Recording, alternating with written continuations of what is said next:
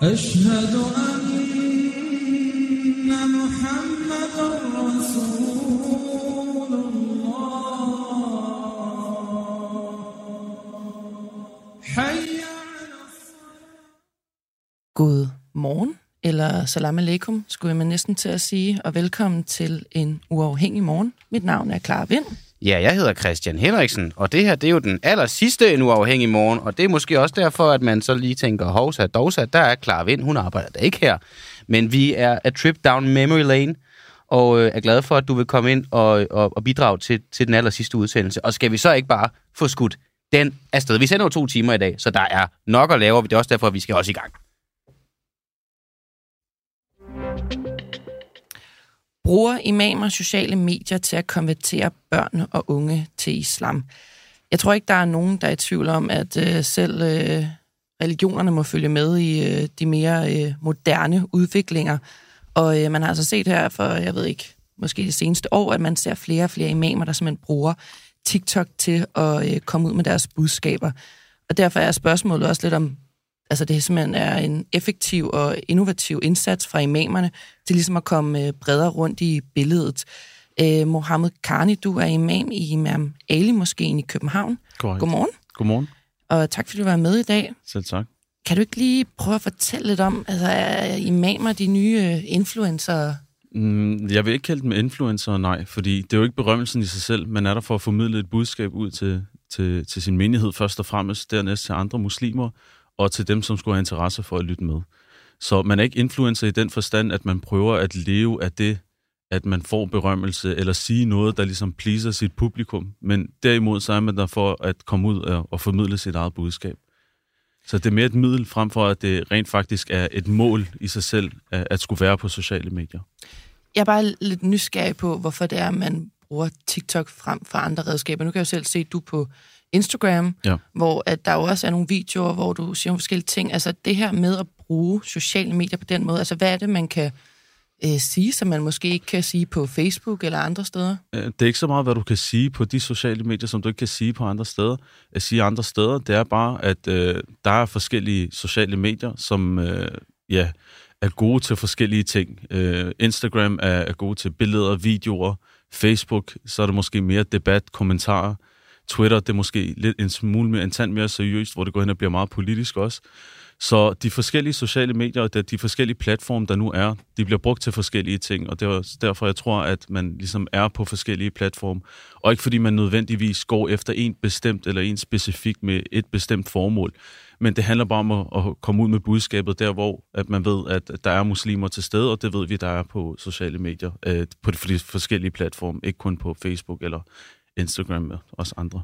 Er det også en måde at måske nå det mere yngre publikum? Altså man kunne godt tænke lidt, at det er en ny form for sådan at missionere på en anden måde, ikke? Ja, øh, det kan godt være, at det opfattes sådan, men øh, jeg tror langt de fleste øh, er faktisk ret ligeglade med, om det er yngre eller ældre, der ligesom lytter med. Som muslimer, så har vi altid haft den, den øh, mentalitet, den tilgang til tingene, der hedder, at, øh, at vi er ligeglade med, hvem der rent faktisk lytter, men så længe vedkommende er interesseret i at lytte. Og hvis ikke de er det, jamen så må de bare finde andre at følge. Men, og det står dem frit for. Men der er jo mange unge på sociale medier. Det Der er er, der der er mange helt unge på Instagram og sådan noget. Du er vel bevidst om, at du her har muligheden for at ramme en yngre målgruppe, Klart, end du ellers vil have. klart. Der er mange af vores egne unge på sociale medier også. Har du nogle tanker omkring det? Altså, hvordan du henvender dig til de unge? Hvordan du får dem til at hoppe, hoppe, hoppe på øh, ideologien og, og de budskaber, du gerne vil viderebringe? Jamen, som, som udgangspunkt, så tror vi som muslimer på, at det er Gud, der retleder, og det er ikke os. Vi er der for at formidle et budskab. Så vi er faktisk ikke så opsatte på, at folk de skal blive overbeviste. Hvis de gerne vil blive overbeviste, så, jamen, så er det op til dem. Men det er ikke, fordi vi gør en ekstra indsats for at skulle overbevise. Nej, vi er der for at formidle et budskab. Vil de tage det til sig, så er de mere end velkomne til at skulle gøre det.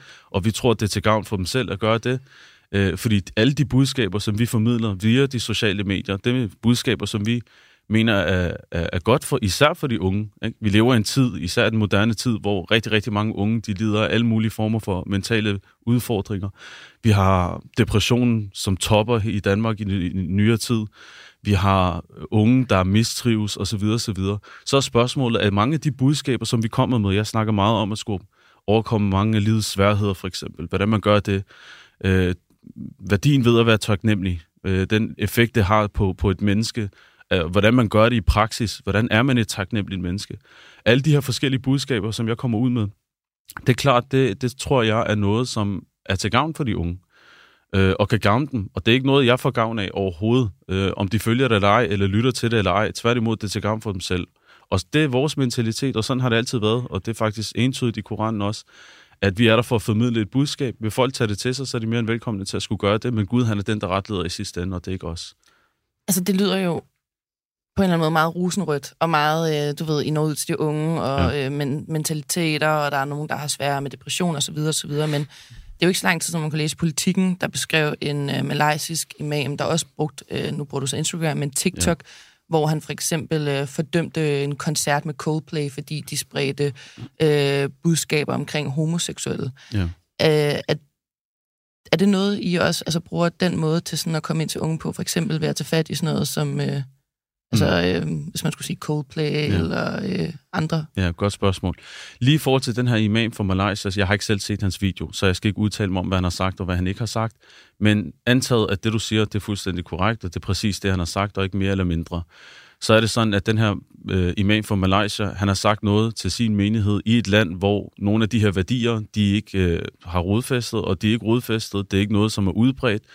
Og det tror jeg bare, man... Altså hvad for nogle værdier? At være homoseksuel eller hans værdier? LGBT-ideologien specifikt. Ja. Øh, regnbueflagene, der skal presses ned og skubbes ind i stadion for eksempel, og, og børnene skal øh, udsætte og eksponeres for det, og hvis ikke de gør det, jamen så er man, øh, så er man et, hvad er det, Øh, de kommer med en hel masse, så er man, øh, så er man øh, snæversynet, og man er, altså, så kommer man med en hel masse, så er man homofob, og så er det, fordi man er bange, og der er en berøringsangst, og, og hvad ved jeg. Øh, jeg tror bare, vi må lære at acceptere, især i, i, i den her del af verden, at der er nogle lande, hvor det ikke er kutume, hvor det ikke er kul- en del af kulturen, hvor de går mere op i kernefamilie, hvor de går mere op i den traditionelle familie. Og, og der må man være lidt grov og så sige, jamen, hvis vi har samme mentalitet i forhold til muslimer her i Danmark, hvor er det, hvad er det, man siger? Landskik eller fly? Er det ikke det, man siger? Øh, ikke? Så, jamen, hvad, hvad så med mennesker i Malaysia? Har de ikke lov til at have samme holdning? Hvis de gerne vil værne omkring kernefamilien, er det en dårlig ting i sig selv, at han så kommer ud? Hvad har Coldplay og deres promovering af LGBT-ideologien gjort godt for de unge i Malaysia? Det er så spørgsmålet, man kunne vende om til, til, til de Hvad her de- mennesker, der har noget imod det. Hvad, har det gjort godt for dem? Hvad, hvad er det negative ved Coldplay? Hvad, hvad, er det, hvad er det positive? Ikke? Nu er mig, der stiller spørgsmål ja, ja, ja, men det, jeg, jeg er her for, Hvad- jeg vil- jeg er for at have en ja, samtale. ikke? selvfølgelig. Så, jeg, ja. jeg vil bare gerne høre, hvad det er, du synes, sådan, der er et øh, dårligt ved, at de øh, snakker om homorettigheder i øh, deres sange. Fordi at det er i, i modstrid med konceptet omkring en kernefamilie. Som muslimer, så tror vi på, at kernefamilien er det, der maksimerer menneskelig lykke, menneskelig glæde. Øh, og det er der også rigtig mange undersøgelser, der viser, at det netop er.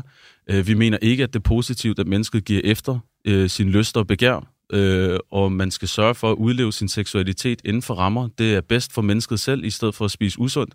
Så alle de her ting, det er med til, at vi ikke vil have, at de her ting, eller de her ideologier, de finder fodfæste i muslimske lande. Ikke? Lige så vel som rigtig, rigtig mange i Danmark ikke ønsker, at ideologier, som er i modstrid med det system, som vi har her, heller ikke finder fodfæste i Danmark.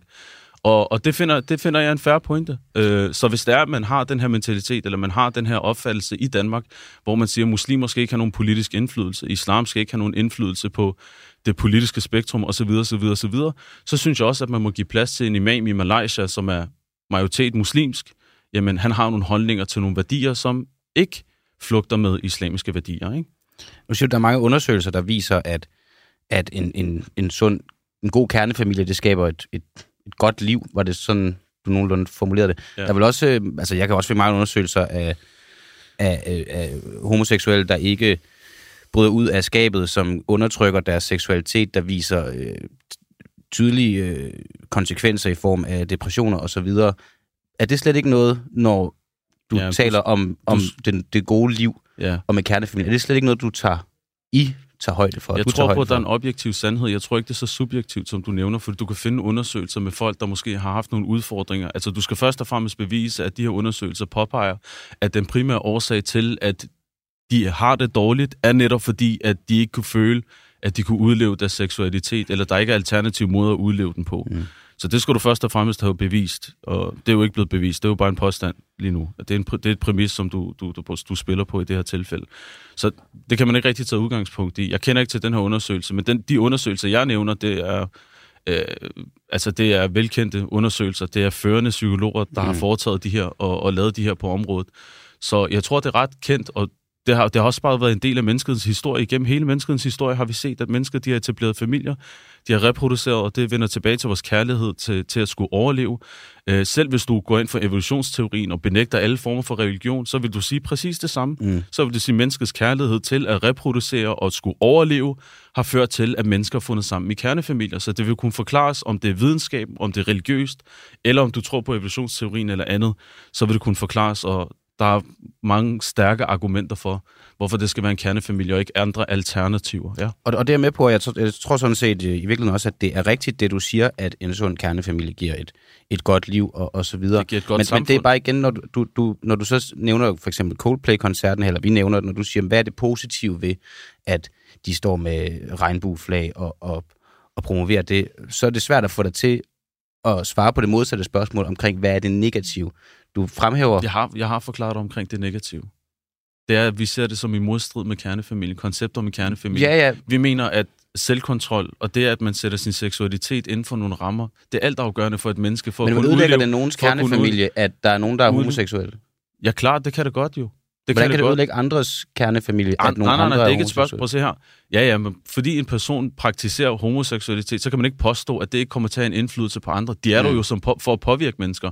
Altså, der er jo en grund til, at de ikke bare praktiserer det i, det i det private, men de rent faktisk gør krav på, at de bliver hørt og set. Og vi kan også bare se det på statistikkerne. Altså bare se her i Danmark.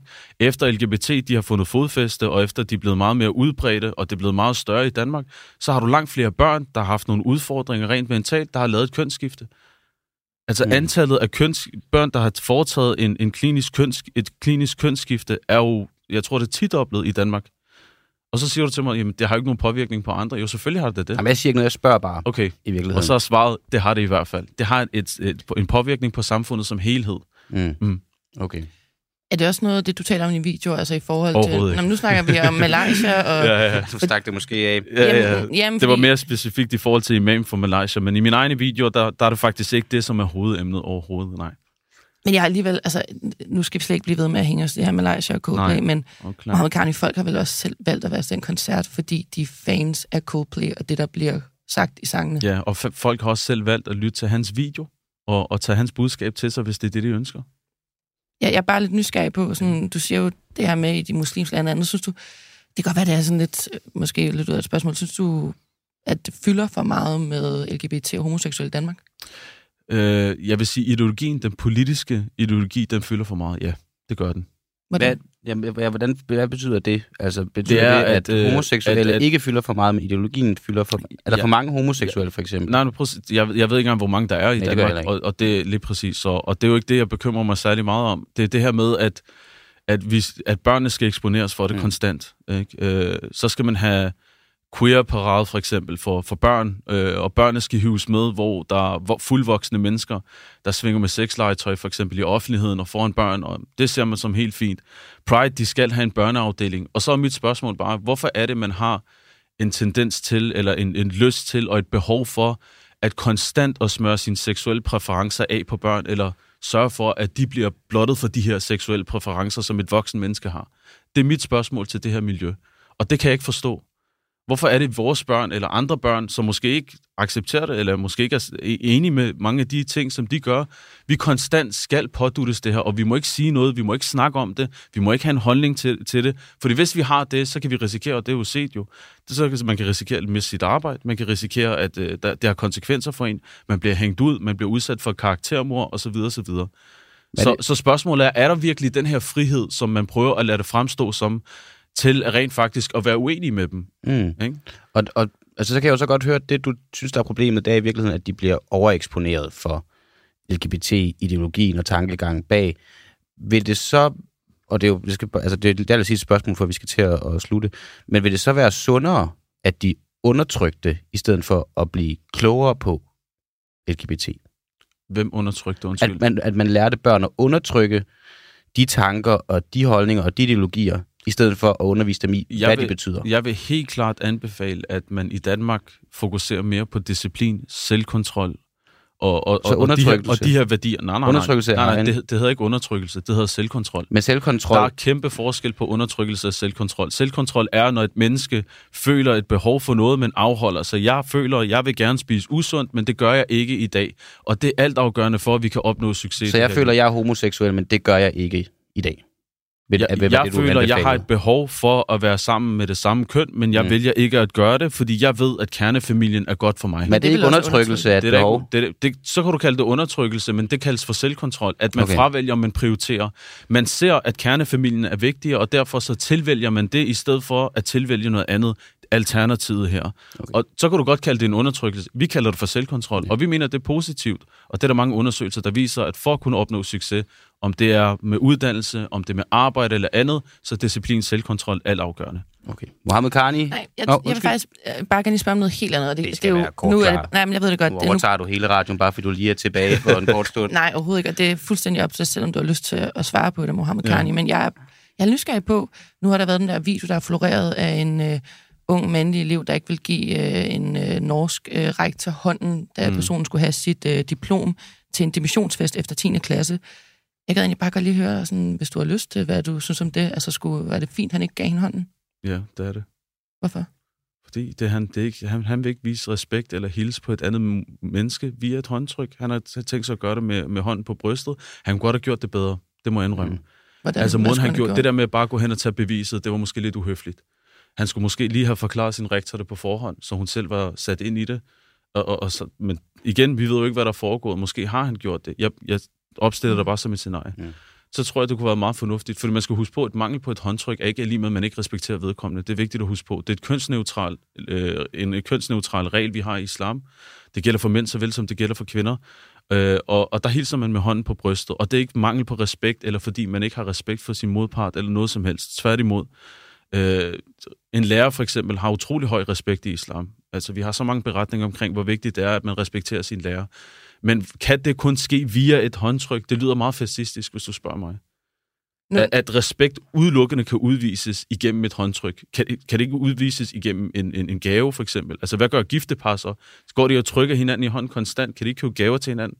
Du ved, kan- altså det, det, det er en mærkelig, det der med at koge hele sin national identitet ned til et håndtryk, det synes jeg er ret ærgerligt, og en ærgerlig diskussion her i Danmark. Der tror jeg, at vi skal være klogere og, og rent faktisk finde alternative måder at leve vores nationale identitet på, eller udleve den på, i stedet for, at det bare bliver mm. kogt ned til. Fordi det gør, at man bliver meget smålig faktisk, og det synes jeg faktisk er ærgerligt, selv for de nationalkonservative, at de vil holde fast på noget som værende håndtrykket, eller som værende det, der er afgørende for deres nationale identitet. Det er jo sådan, Men I vil jo også holde fast på det. Altså, du vil jo også holde fast Klart. på det. Med, altså, Klart. hvad er forskellen så i forhold til...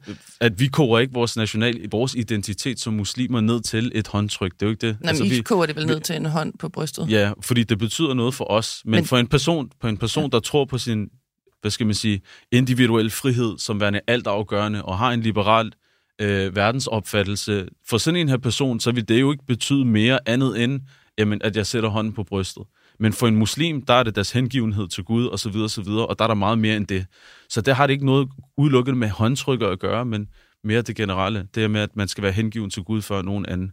Men for en person, der hvad skal man sige, ikke tror på de her ting, eller ikke, ikke giver en vigtighed, tilskriver en vigtighed til de her ting, der er det ret mærkeligt, at man sætter så meget i et håndtryk, faktisk. Og det viser bare, at man, det er lidt en form for sindelagskontrol, før det rent faktisk er en måde på at, ligesom at, at, at møde, imødekomme en minoritet på i Danmark, ikke? Der bliver vi nødt til at lukke den. Det er bare Tiden er ikke med os, men øh, tak fordi du kommer Ja, hen, tak, Karni, imam tak. i, øh, Imam Ali måske. Det var en fornøjelse. Ja. Og øh, nu er der vagtskifte. Okay. Ja, ja, Nu, nu vil Clara og jeg gå ud af studiet, og nu vil... Øh, sammen med Mohammed Karni. ja, Mohammed Karni, du vil også komme med Nå, også. ja, okay. Øh, fint nok, jeg skal... er det anden runde? nu er det anden runde. Så kommer Nikolaj Dandanelle ind.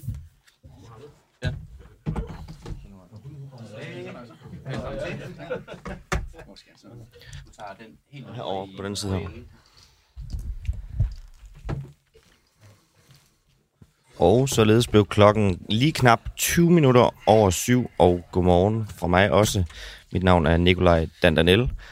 Ved min side har jeg tidligere vært, Alexander Vils Lorentzen, Ja, godmorgen. nuværende politisk redaktør på 24 Simpelthen. Tak fordi- 8, 8 måneder endnu, i hvert fald. Yes. Tak fordi du vil være med til øh, en sidste dans på en uafhængig morgen. Ej, naturligvis. Jeg var, øh, jeg var faktisk den første sammen med Asger, der startede, så det er jo også sjovt at være en af de sidste, der Ja. ja. er med til at sige farvel. Fuldstændig. Øhm, du får lov til at, øh, at sætte tonen for det næste indslag. Ja, vi har fået Flemming Blikker i studiet. Øh, Nå, det gør ikke noget, vi bare får spillet jinglen af, som man siger. Flemming Blikker, øh, velkommen til dig. Kommer jeg lige til at spille jinglerne, eller? Nej, det var mig. nej, det var mig. også, der gjorde det. Okay, jamen velkommen. Tak Du er skal du have. formand for Frihedslisten, og øh, vi skal blive lidt klogere på i løbet af de næste 10 minutter kvarter, om, om myndighederne ikke anerkender overdødeligheden efter øh, corona. Lad mig lige starte et andet sted, øh, Blikker. Inden du kom her ind i studiet, der luftede du en konspirationsteori om frihedsbrevet overtog en uafhængig morgen for at lugte. Kan du ikke sætte nogle ord på det? Eller var det bare vidigt? Nej, den er altså... Tak fordi du spørger omkring det, fordi at øh, siden jeg, det gik op for mig, at, øh, at det, der er sket det med den uafhængige, at øh, det blev lukket, øh, lukket ned, og det er sidste dag, vi sidder her i dag. Jeg har ikke altid været øh, enig med, med, med det, der er sket øh, hos den uafhængige. Øh, jeg synes ikke, man har været øh, kritisk øh, nok, men man har trods alt været øh, noget mere kritisk end øh, alle andre, eller de fleste andre øh, medier. Så øh, derfor er det øh, ikke øh, svært for mig at øh, sætte øh, tingene sammen, som at øh, frihedsbrevet kunne finde på at opkøbe den uafhængige, og så bagefter lukke det ned. Og det er jo selvfølgelig øh, ikke nødvendigvis Mads Brygger, der lige har siddet med, med den, men han har jo også en, øh, en bestyrelse og, og, mm. og svare til, og den bestyrelse svarer jo også. Og det er jo så her, hvor at, øh, det ikke er en konspirationsteori, men at øh, alle øh, firmaer i, øh, i verden øh, stort set er ejet af de tre øh, samme institutionelle øh, investeringsfonde. Og det er jo State Street, og det er Vanguard, og det er BlackRock. Og på den måde så ejes hele mediebilledet også, også selvom der sidder nogle øh, familieejede øh, fonde og sådan noget. Så alle de øh, mennesker, som sidder i de bestyrelser for de her, de skal jo øh, flyde ovenpå i, øh, i det her øh, system, øh, det her øh, lidt fejlagtige kapitalistiske system, som vi, har, som vi har skabt. Og derfor så er det meget, meget nærliggende for mig, at, øh, at tro, at der var en plan med at øh, lukke den øh, uafhængige ned. Desværre. Hvad tænker du, Dan Daniel, til det, du hører? Øh, jeg, jeg har bare siddet i redaktionslokalet i den tid, øh, jeg nu har været ansat under mm. en uafhængig morgen under Frihedsbredets faner. Øh, og det er i hvert fald ikke noget, jeg har bidt mærke i, at der skulle være et ønske om på noget tidspunkt. Nej, nej. Men altså, øh, det står jo Flemming øh, frit for at lufte sine, øh, sine teorier, men øh, jeg vil sige, at øh, det, det, det, vil, det vil overraske mig ud over min fantasi, hvis Det er heller det ikke- er tilfældet. Det er ikke det, det skal handle om. Jeg kunne bare ikke lige lade være med at trykke, øh, med at trykteste dig, nu du alligevel er. Det skal handle om corona, det skal handle om, om overdødelighed. Omkring årsskiftet blikker, der oplevede Danmark en voldsom stigning i overdødelighed. Hvis man ser på Statens Serum Instituts tal nu, ja, så er overdødeligheden på et øh, forventeligt øh, niveau. Sådan så det i hvert fald ud, det jeg tjekkede det her til morgen, inden jeg gik i studiet. Ikke? Lad os bare starte øh, fra toppen, Blikker. Har myndighederne, som du ser det, altså som eksempelvis Statens Serum Institut, har de aldrig anerkendt overdødeligheden?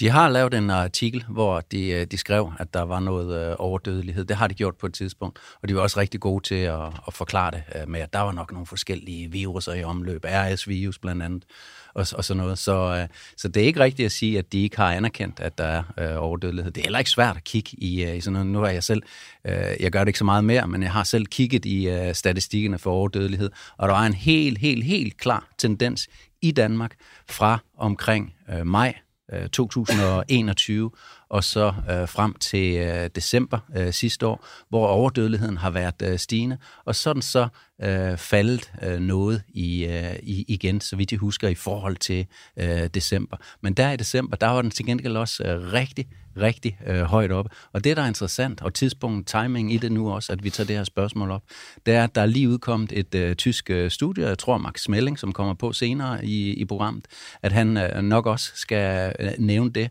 øh, i det her. For det er et rigtig, rigtig interessant øh, tysk øh, studie. Det viser nøjagtigt det, vi ser i Danmark også, nemlig at der er en korrelation mellem introduktionen af øh, massevaccination, øh, covid-19 massevaccination og overdødelighed i Danmark. Hvad er det, du mener, Tyskland. når du siger det?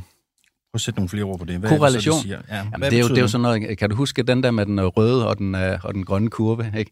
Altså, vi akademikere, vi snakker i, øh, i kurver og tal og, Mhm. og, og sådan noget. Jeg er selv ing- ingeniør. Um, når, når kurverne de følger hinanden, så er der ligesom korrelation.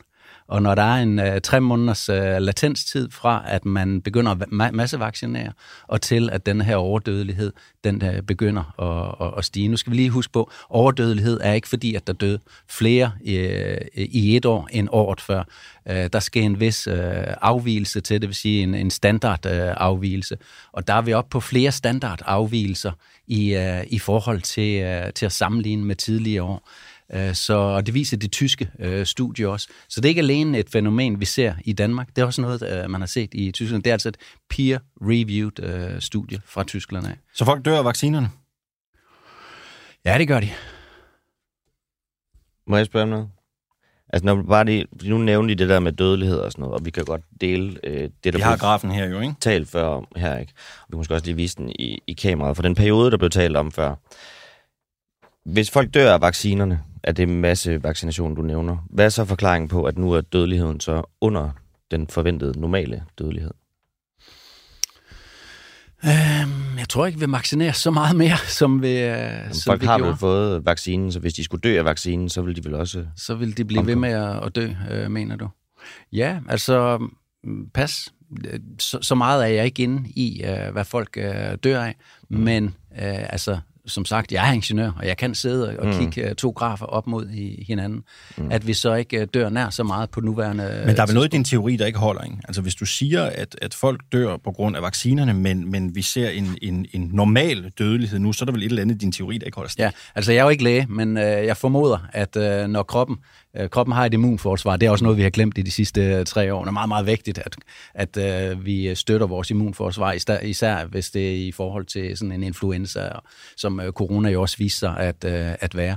Øh, immunforsvaret har det jo med at overkomme øh, de øh, fremmedlemmer, som kommer ind i, øh, i kroppen. Så man kunne jo godt, igen, jeg er ikke læge, men man kunne jo godt, nu spørger mig, mm. øh, man kunne jo godt forestille sig, at når der kommer sådan en fremmedlem, jeg ved ikke, om I nogensinde har, har I set indlægssiden øh, for, for hverken øh, Pfizer eller Modernas øh, Men, men lad os lige, øh, altså du siger, at du er ikke læge, så du, så du kan ikke sige det med sikkerhed. Men det, du jeg vil sige, det er, at vaccinerne, vaccinerne. vaccinerne Hvordan- er Jamen, lad- os fulde lige- lad os af stof. blive på bolden. Ja, vaccinerne siger, er ikke- fulde af stof, som, som man dør af. Altså, Du, du, du siger bare, at du er ikke læge, så du kan ikke nødvendigvis svare på, hvordan sammenhæng er med, med, med, med vaccinerne og den normale dødelighed, vi ser nu. Men du sagde for et øjeblik siden, at man dør af vaccinerne. Altså, hvordan hænger den argumentation Jamen, sammen? det var det, jeg var ved at sige, at øh, kroppen har et immunforsvar, og immunforsvaret har det vel med, at øh, fremmedlæmer, som kommer ind i kroppen, alle de ting, som der kommer øh, fra vaccinen, og hvis man har læst indlægssiden, som I ikke vil svare på, om I har, så ved man også, at den er fuld af kraftfremkaldende stoffer, og så er der alle de ting, i vaccinen,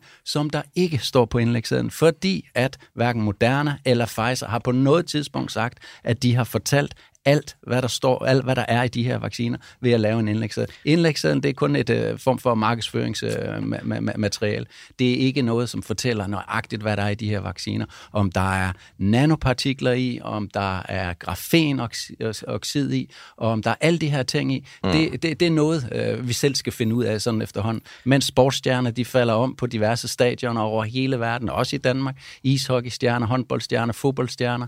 Og, og, og der er ingen, I højere grad, der er har ingen, der, kan, der er ingen, der tør at tage denne her op. Og det er jo så det, der også var spørgsmålet øh, i forhold til, at jeg blev inviteret ind her i dag. At, at, at, at myndighederne og pressen, som følger lige i hælene af øh, myndighederne, desværre, sådan at det blev, tør mm. ikke tage denne her. Kan det være vaccinerne? Mm. Kan det være vaccinerne? Hvorfor, hvorfor er der en øh, nærmest panisk angst for at øh, kalde alle for konspirationsteoretikere, når man begynder, øh, som simpel ingeniør som jeg er, at lægge korrelationen frem, øh, at øh, jamen, der er faktisk en overdødelighed i forbindelse med, at vi, vi, vi massevaccinerer. Så for at komme tilbage til spørgsmålet, at øh, når der så er gået en vis rumtid, for vi øh, vaccinerer jo slet ikke i samme grad på nuværende øh, tidspunkt, i hvert fald ikke mod covid-19, så øh, er der måske en faldende øh, tendens til, at folk dør af øh, alle de her forfærdelige fremmedlæmer, som der er i en øh, vaccine.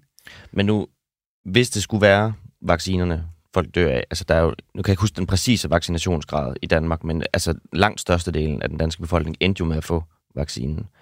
Men hvis man skulle dø af vaccinen, hvorfor er folk så ikke i højere grad døde af det. Nu, nu er dødeligheden tilbage på forventet niveau. Altså, øh, nu nu siger du hvis. Øh, Vi, vi ved, at folk er døde af vaccinen, fordi det er, det er jo også blevet erkendt. Og spørgsmålet er, hvor mange der, der dør af, af vaccinen. Og når der inden for vores øh, lægestand er sådan en berøringsangst for at kæde, og jeg ved det jo selv, fordi jeg har en datter, som blev syg af HPV-vaccinen, øh, øh, når der er sådan en berøringsangst for at kæde sygdom sammen med, øh, med vacciner, så får vi jo aldrig det rigtige tal, og det, og det er det, jeg angriber, og det er det, jeg også synes, at medierne, øh, pressen, har været utrolig dårlige til at dække.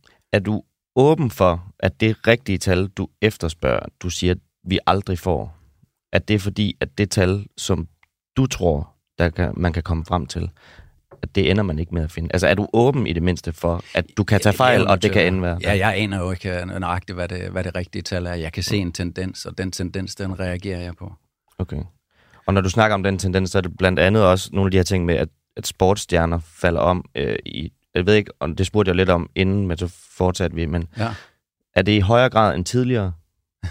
Det, øh, Nu nævnte du det bare som eksempel Ja, ja. på Altså, noget opsigtsvækkende, der sker. At, hvis- falder der flere sportsstjerner om på fodboldbaner det nu må man sige. end tidligere? Altså, nu er en, en af vores allerstørste sportsstjerner herhjemme øh, faldt jo også om øh, midt under en øh, fodboldkamp imod øh, Finland. Mm. Og det var, øh, hvad var det, en måned eller to efter, at hans klub havde øh, sagt, at øh, nu skulle hele spillertruppen øh, vaccineres. Så så var der en masse polemik, om han havde fået eller ikke fået øh, vacciner. Og jeg synes, det er forkasteligt, at sådan en øh, sportsmand ikke går åbent ud og siger, øh, om han er vaccineret eller ikke vaccineret. Det er vigtig information, og han er et forbillede for rigtig mange øh, mennesker.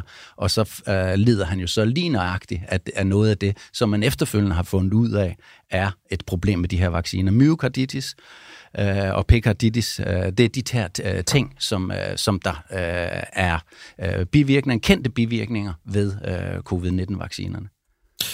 Øh, du stiller dig jo også kritisk over for øh, den, den fortælling, der er om, at, øh, at, at grunden til, at vi har set øh, forhøjet dødelighed, øh, hænger sammen med et højt niveau af smitte med, med flere typer øh, influenza, altså flere typer viruser.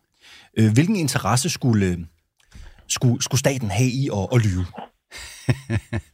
Ja, det er et rigtig godt spørgsmål. Det har, Ja, faktisk, skrevet, det har faktisk skrevet en bog om. Ja. Ja. Jeg har vist den til, til Ja. dig og kollegerne ude i, uh, i forummet uh, derude. Nu kan vi jo ikke gennemgå en hel bog, men bare, Nej, det kan incitament Det- det- skulle, det kan skulle ikke. staten have for? Men uh, kan du huske navnet Per Ockels? Mm. Uh, kan I huske navnet Thomas uh, Senderovits? Mm. Uh, kan I Henholdsvis, huske, kan I øh, huske Søren, uh, Søren Brostrøm? Mm. Um, Skal vi bare lige præsentere dem? Altså, Ja. departementchef i Sundhedsministeriet, da øh, coronavirus uh, ja, blev og pandemi. direktør i Lægemiddelstyrelsen, direktør og, i Lægemiddelstyrelsen, Thomas Senderovits, som var med til at og godkende... direktør i Sundhedsstyrelsen. Bare og lige for direktør i, d- direktør i Sundhedsstyrelsen. Hvor sidder Per Ockels og Thomas Senderovich i dag? You tell me. Hos Novo Nordisk. Hvad laver Novo Nordisk i dag? Jamen, de indgår samarbejde med Bill Gates om antiviral medicin. Mm. Det er sket siden uh, coronavirus, og det er sket med de her såkaldte coronageneraler ved, uh, ved roret. Og så forlader de skibet i utide for at komme over til uh, Novo Nordisk og sidde i et blødt lædersæde med en arkitekttegnet lampe ved deres uh, skrivebord. Og Hvorfor der, er det i utide, egentlig? Jamen, øh, hvi- hvi- hvis nu, at øh, Thomas Senderovits, han øh, tog sit arbejde så alvorligt som Lægemiddelstyrelsens øh, mm. direk- direktør, så midt under en coronakrise er nok det forkerte tidspunkt at øh, vise øh, landet ryggen. Ikke? Det er jo så der, hvor der er allermest brug for ham. Det samme med Per Ockels. Det er jo der, hvor der er allermest brug for de her mennesker. Og alligevel så vælger de at gå over til Novo Nordisk og få en øh, direktionssæde og komme, øh, og komme videre i en industri i en, øh, et af vores allerstørste virksomheder i Danmark, som så efterfølgende er gået ind, til, an, ind i antiviral medicin, sammen med Bill Gates og i Open, Open øh, Society. Flemming Blikker, vi har flere, vi har mange gæster, vi skal, vi skal tale med i dag. Jeg har en enkelt sidste ting. Nu talte du om øh, Christian Eriksen, øh, omkring øh, spekulationerne omkring hans øh, fald. Nu tjekkede jeg bare lige hurtigt. Mm. Øh, han var ikke vaccineret. Det har han aldrig sagt. Altså, Inders øh, direktør, og i hvert fald kort tid ude efter, siger, at han har ikke haft covid, og han, han er heller ikke Christian vaccineret. Eriksen har ikke ville udtale sig om det. Og han var, hvad skal man sige, også lige faldet om på national fjernsyn, så det Ja, kunne godt være, at han og- havde behov for og, ikke og at inden, udtale sig. inden denne her øh, italiener udtaler sig om det, så har øh, det italienske, en anden øh, fra det italienske allerede siddet på radioen nede i øh, Italien og fortalt, at de alle sammen var vaccineret. Så, så jo, vi kan godt spekulere lidt i, om han var eller han ikke, øh, han ikke var. Han har ikke selv sagt noget, han vil ikke sige noget. Kan, Alright. kan vi nå et lille, et lille tillægsspørgsmål lynhurtigt? skal fame være godt. Jeg skal, øh, bare, vi, har det- en, det- vi har en kilde på, på telefonen, der venter på os. Øh, Du går jo selv meget op i politikers øh, bevæggrunde, hvilke incitamenter de har for at handle, som de gør. Bare her til sidst, hvem finansierer egentlig jer i frihedslisten? Hvor får I jeres, jeres penge fra til at, til at lave Tak for aktiviteter? spørgsmålet. ja. Vi, øh, vi fik 67.000 om året, fordi vi deltog i kommunal og regional øh, rådsvalget tilbage i 2021. De 67.000, dem har Folketinget nøjagtigt lige taget øh, væk fra os, ligesom de også har taget det væk fra de frie grønne, ligesom de også har taget det væk fra Får, kristendemokraterne. får I penge andre steder fra? Øh, vi får penge fra vores øh, medlemmer. Ja, Okay, det og koster 250 kroner om øh, året at Og være det er medlem. det, I får ikke penge andre steder fra. Der er ikke nogen, der, der, så kommer der, spørger nogle penge efter. øh, Ikke nogen, der har donationer. at Jeg tror, den maksimale donation, vi har fået, er, er 5.000 kroner. Det fik vi lige op til. Hvem har givet jer 5.000? Øh, om jeg vil ikke sige hans navn her, men øh, en, der havde pengene øh, til det. Jeg kender ham. Privatperson. Ja, Tak skal du. Ja, Flemming Blikker, formand for Frihedslisten. Tusind tak, fordi du havde tid og lyst til at komme forbi. selv sagt. Det var en fornøjelse. Beklager, I lukker. Har vi udskiftning nu egentlig? Nej, Det har vi ikke. Nej. du kan godt blive siddende. Christian Kanstrup Holm, vi har udskiftning på, på Kildefronten, professor i, på Institut for Biomedicin på Aarhus Universitet. Godmorgen. Godmorgen. Øhm, har der været en overdødelighed i coronans efterdønninger, som eksperter og etablerede medier ikke vil forholde sig til? Øh, altså, der har helt klart været en overdødelighed, men øh, jeg kan jo ikke rigtig udtale mig om, medierne ikke vil, Mm. eller bare ikke føler det interessant, eller så videre, men der har klart været en overdødelighed, død- overdødelighed i ja, nok det meste af verden, men, men der, hvor vi har bedst tal fra, er jo Europa. Mm. Øh, efter corona her, det startede allerede tilbage faktisk øh, ja, nærmest øh, 2021. Okay. Og, og hvilke, hvilke årsager, altså hvad ved man præcist om årsagen for overdødeligheden? Ja, det er jo det, der er problemet. Man kan ikke rigtig sige noget 100% præcist. Øh, det ser ud som om, at det er en generel overdødelighed, så det er ikke sådan noget med, at, at det er en bestemt sygdom, øh, der driver det her. Det ser ud som om, at der er sådan en generel overdødelighed i befolkningerne. Så det er ikke noget med, at folk alle sammen er drættet om øh, på grund af en eller anden x-faktor, øh, som de har øh, fået det seks år ud. Det ser mere ud som om, at det er en generel overdødelighed.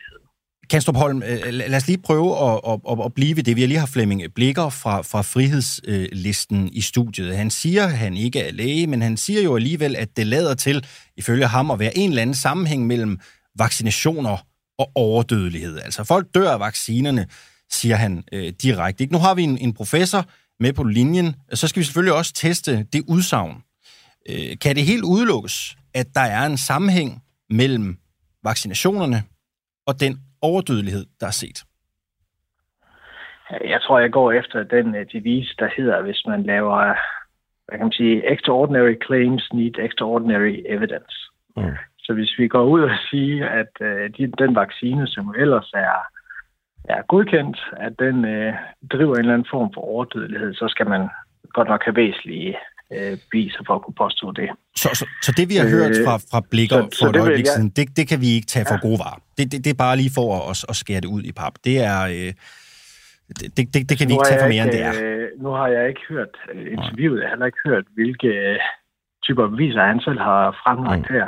Men jeg har i hvert fald ikke set nogen. Må, må jeg spørge, fordi når du siger det der med, at der skal ekstraordinære beviser til at, øh, og, hvad skal man sige, at underbygge ekstraordinære påstande, er det egentlig ikke også en Ja. ekstraordinær påstand at affeje det? Øh, i- nej, jamen altså, det er jo noget med, om man kører omvendt bevisførsel. Okay. Det er jo svært at øh, bevise, at noget ikke eksisterer. Mm. Det er også svært at bevise, at julemanden ikke eksisterer. Så for eksempel, hvis man har et, et claim, der hedder, at den her behandling, eller hvad det nu er, har ført til overdødelighed, okay, så må man levere beviser for det. Mm. Men du har øh, på den måde ret i det, at lige når det gælder øh, vacciner, dem er jo nogle, man bruger til at behandle raske mennesker. Det er jo forskelligt fra al anden medicin, hvor man behandler syge. Så når man skal godkende vacciner, så er der et meget højere, hvad kan man sige, øh, meget højere grad af, af krav for, at man kan, hvad kan man sige, øh, vise, at det her det ikke er skadeligt for mennesker. Fordi man sprøjter det ind i raske, så må man helst ikke gøre dem syge. Mm. Hvis folk er dødssyge i forvejen, så er man mere klar til at acceptere en eller anden form for bivirkning. Ikke? Fordi, jamen, hvis ikke de får medicin, ja, så går de i graven. Ikke? Så, Men lige med vacciner, fordi man giver det til raske, der er nogle meget strenge krav omkring, øh, at man kan vise, at det her det er ikke øh, farligt øh, for mennesker. Øh, og jeg har ikke set øh, data, jeg har kigget, jeg har ikke set data, der tyder på, at øh, de her vacciner vil kunne drive den overdødelighed, hvis jeg nu. Mm. Right. Så jeg er min egen personlige mening, men man kan aldrig søge bevis noget negativt til, at jeg tror ikke på, at der er en sammenhæng. Christian Kastrup Holm, lige professor, ja, professor ved Institut for Biomedicin på Aarhus Universitet. Tusind tak, fordi du havde tid og lyst til at give dit besøg med her til morgen. Ja, selv tak. Hej. Og øh, så øh, har vi et, øh, et lille indslag med øh, den gode gamle øh, Peter Aalbæk, som også har lidt at skulle have sagt i dagens anledning. Jamen, øh, for at blive i floskelafdelingen, så er det frie ord under pres. Og det er sjovt nok ikke under pres fra et fascistoid øh, tyranni.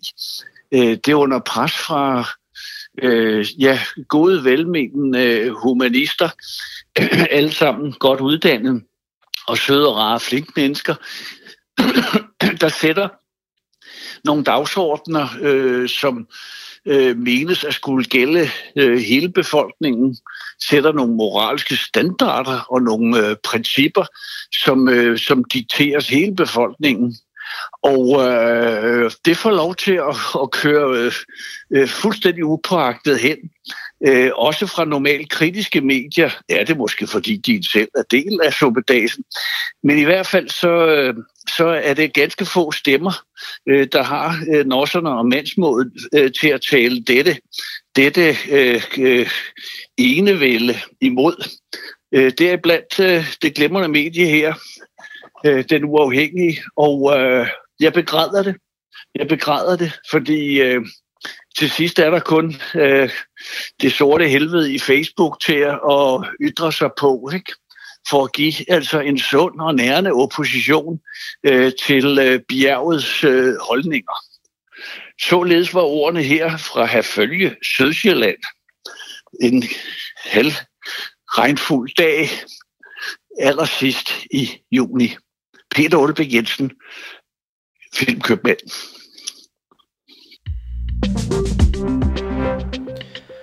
Og så har der været udskiftning på, på værtsfronten. Ind har vi fået Adam Dreves. Velkommen til. Jo, tak skal du have. Øhm, og nu er scenen din. Tak. Jamen, øh, der er jo sket en masse her weekenden i Rusland med øh, Wagner-gruppens oprør med øh, Prigozhin i spidsen. Og øh, spørgsmålet, vi spørger her til morgen, det er, øh, om Putin står styrket efter konflikten her med øh, Prigozhin. Altså, de fleste er jo mere eller mindre enige om eksperterne, at øh, Putin står svækket efter oprøret her. Men øh, så vidt jeg kan forstå, så har vi en gæst her, historiker Dr. Phil øh, Torkild Kjærgaard. Godmorgen. Godmorgen, godmorgen. Du mener det modsatte, at Putin faktisk står øh, styrket efter det her militære oprør. Ja, det tror jeg, det jeg gør, fordi det er da svært at se uh, andet end at, end at Putin står som sejrherre. En Wagnergruppen, Wagnergruppen har jo været meget omstridt og også meget kritiseret, og, og, og den har muligvis ydet en stor indsats i Ukraine, det ved jeg ikke rigtigt, om den har, men i hvert fald så, så har det også bidraget til at, at øh, skade Ruslands omdømme i verden, at den, at man har betjent sig af sådan en halvprivat militia. Og, og, det, som der jo helt klart er sket, det er, at, at denne, denne halvprivate øh, militia, eller uofficielle militia, den er, er jo blevet øh, knækket, og dens øh, leder er flyttet til, øh, til et naboland, Ja. nemlig, nemlig Hvide Rusland eller Belarus. Og, Men- men og, og, og det, derfor så må man sige, at, at, at, at øh, det officielle Rusland, altså forsvarsministeriet, det officielle russiske forsvar osv., eller militær, ja, det er nu alene på scenen, hvor det tidligere har været afhængigt eller delvis støttet Ja. af, en, af en privat, øh, et privat foretagende, en halvprivat foretagende. Men, men man kan jo sige, at øh, Wagner-gruppen har jo været øh, nogle af de bedste soldater, der har været ved fronten. Altså, det er jo en professionel her, og alt andet lige stod øh, Putin ikke stærkere, altså militært. Øh. Inden den her, det her opbrud? Så vidt jeg forstår, så består Wagnergruppen af en mærkelig blanding af dygtige officerer, og, og, så, en, så, og så et, et, øh, et mandskab, som består af alle mulige andre. Lidt som fremmedlegion, lidt som den franske fremmedlegion i sin tid, hvor der jo sad nogle af de bedste franske generaler, men, men, men selve mandskabet var jo alt muligt skrabt sammen. Ja. Så om det er godt eller dårligt, det er jo som man tager det, men, men sådan et, altså det, som, som forekommer mig, det er jo altså ret, altså ret nærliggende at sige, det er, at, at, at, at, at Wagner-gruppen var en stat i staten, og den er nu, så at sige, elimineret efter alt det dømme, ikke sandt? Og det vil sige, at nu, nu står Rusland renset. En anden ting, som, som har slået mig, det er det, at, og som burde væk til eftertanke, det er det, at, at, at, at da Prigozhin begynder sin march mod, mod Moskva, så ser man det for sig pludselig, at, altså at Prigozhin måske overtager eller vælter Putin.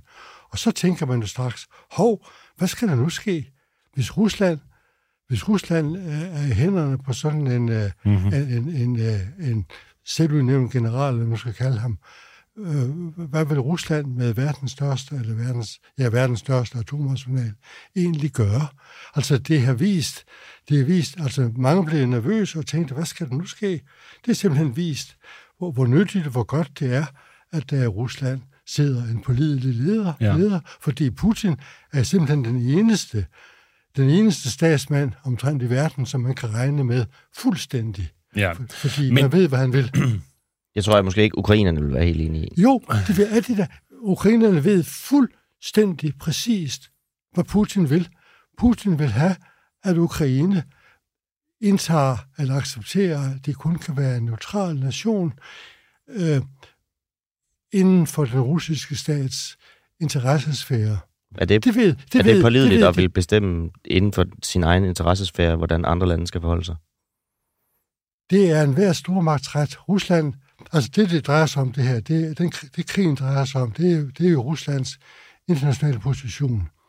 USA er en stormagt. En stormagt har, har ret til at have en indflydelsesfære.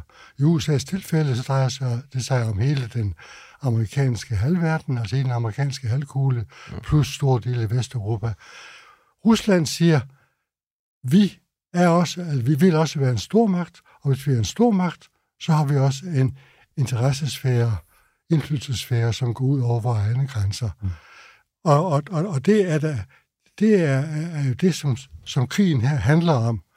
Det er det, at Rusland vil ikke nøjes med at være en almindelig Ja. territorialstat, ligesom Frankrig. Og så vidt jeg forstået på dig, ja. øh, en artikel, jeg læste af dig i Berlingske, ja. der, øh, der mener du faktisk, at øh, øh, Ukraine bare skulle overgive sig mere eller mindre, ikke sandt? Jeg, jeg mener, at Ukraine skulle acceptere sin geografiske position, fordi øh, øh, geografi binder os alle. Mm. Men hvad Og- så med og- nabolandene? Burde de så også bare... Altså burde Sovjetunionen mere eller mindre bare blive genetableret i virkeligheden? Der, der er intet, der tyder på, at Putin ønsker at genetablere Sovjetunionen. Der er der rimelig Der- meget, der derimod- tyder på det. Hvad med Nej, nej. Krim, og han ønsker der jo hele tiden øjeblik, prøv lige at. Altså, altså øh, det der er tale om er, at, at, at, at Rusland efter alt at dømme, eller meget sikkert har, har opgivet den gamle østeuropæiske interessesfære, altså Polen, Estland, Letland, Litauen, Tjekkoslovakiet osv. Øh, øh, det har de opgivet, men, men deres nærområde, altså Hvide Rusland eller Belarus og Ukraine, det er simpelthen øh, juvelen i den, i, den, i den russiske stormagt. Og det kan de ikke undvære. Og, der, er- der, er- og jeg mener ikke, der er nogen som helst, heller ikke i Kiev, der er i tvivl om, at det er det, det handler om. Mm. Og, og, og, og, og, og den, dag, den dag, da Ukraine overgiver sig, så kan de få lov til at, at være demokrater eller ikke demokrater, lige så meget de gider. Bare de ikke er medlemmer af EU, bare de ikke er medlemmer af NATO. Og så ikke i de besatte områder. Øh, Det hele skal altså, være de, du mener de annekterede områder? Mm. Der vil formentlig kunne opnå sådan en aftale, vil jeg tro. Det ved jeg. Det, kan slet, det, det er jo diplomati. Altså, jeg vil tro, at, at Rusland er ret ligeglad med, om, om øh, i et langt løb, om, om, øh, om, øh, det østlige Ukraine og, og Krim, om, om det er en del af, af en russisk federation, eller er en, er en del af et pålideligt Ukraine. Om det kan det givetvis forhandles. Mm. Det er sådan noget meget diplomati til, og diplomati, det er, er russerne jo meget, meget øve, de er meget dygtige til. Der kunne formentlig opnås en aftale, men det er en forudsætning, at Ukraine øh, accepterer for det første, at Rusland, altså nabomagten, er en stormagt, og for det andet, at, altså at, øh, Ja, de skal vel bare altså underlægge at sig, ikke? acceptere, acceptere deres geografiske position.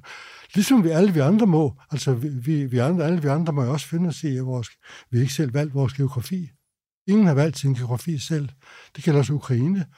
Øh, det er Nej, men et selvstændigt land har vel ret til at øh, beholde sine grænser og ikke... Øh, altså, Ukraine har jo ikke Et- noget ønske om at blive en del af Et- Rusland. Jamen, nu skal du høre.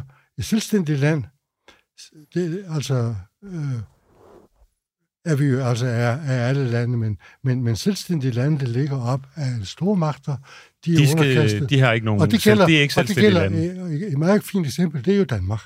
Fordi vi har jo, Danmark består jo af Danmark og Grønland. Grønland er jo, Grønland er jo fuldstændig kontrolleret af USA. Og man kan også sige, at hele NATO er jo en imperial organisation, hvor der er en, der bestemmer, nemlig USA. Så man kan sige, at også alle vesteuropæiske staters uafhængighed er begrænset af øh, de forenede staters øh, øh, beslutninger. Så, så vi har også en...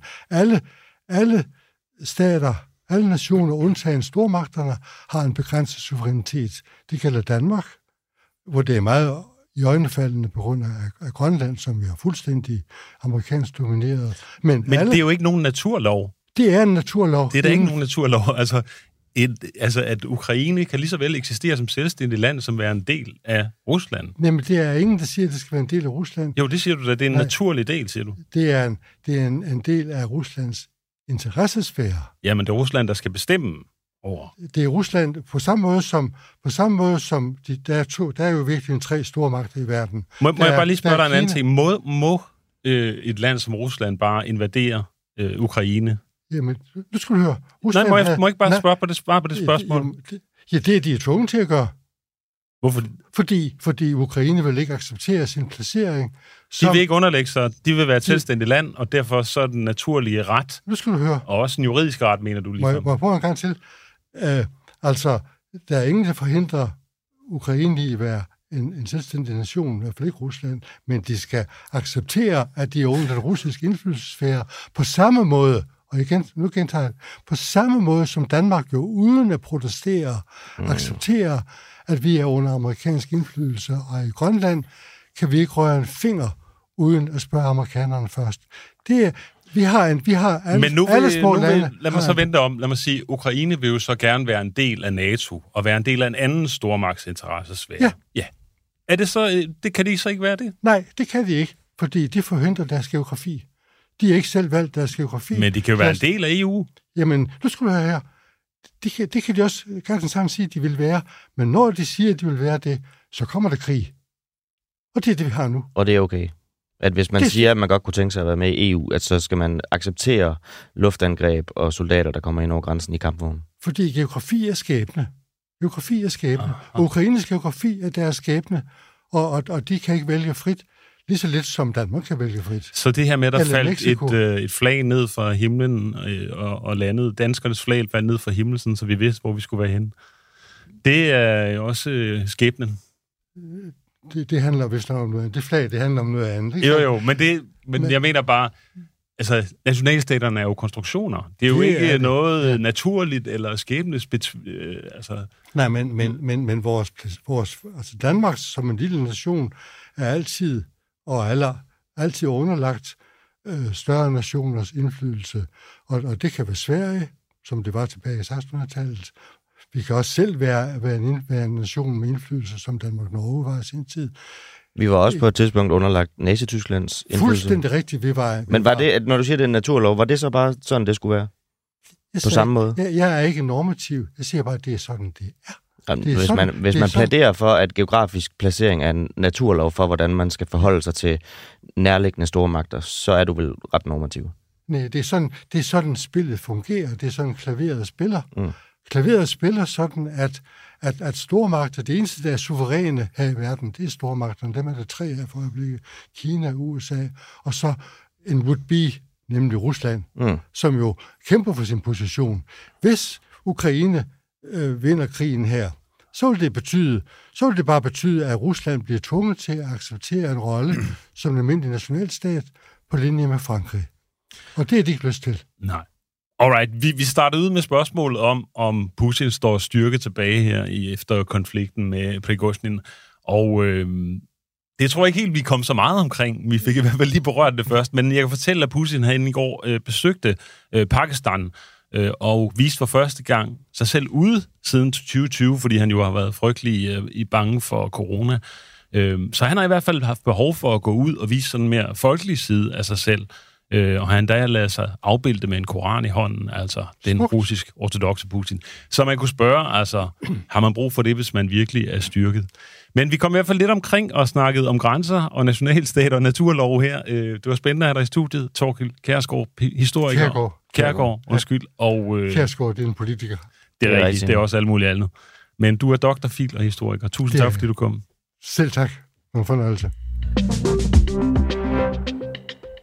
Ja, så er der endnu en gang øh, vagtskifte inde i det lille, det lille studie, hvor der jo sker en masse ting i dag i anledning af det sidste program på En Uafhængig Morgen og Den Uafhængige. Nu får vi Christian tilbage, og det er faktisk dejligt, du kommer ind, Christian. Ja, jeg skal lige øh, finde mig til rette. Øhm, også fordi, at øh, nu stopper vi jo. Ja, det... Så det er... Åh. Oh. Åh. Jeg har allerede lukket dig Ja. ned, du. Nu stopper vi jo. Øhm, så det er ikke kun lytterne, der får en øh, lille overraskelse i dag. Jeg har også en overraskelse til dig i dag. Nej. Jo. Hvad er nu det, Nikolaj? Jamen, det kan vi jo prøve at finde ud af. Øhm, se om vi kan komme igennem til en her.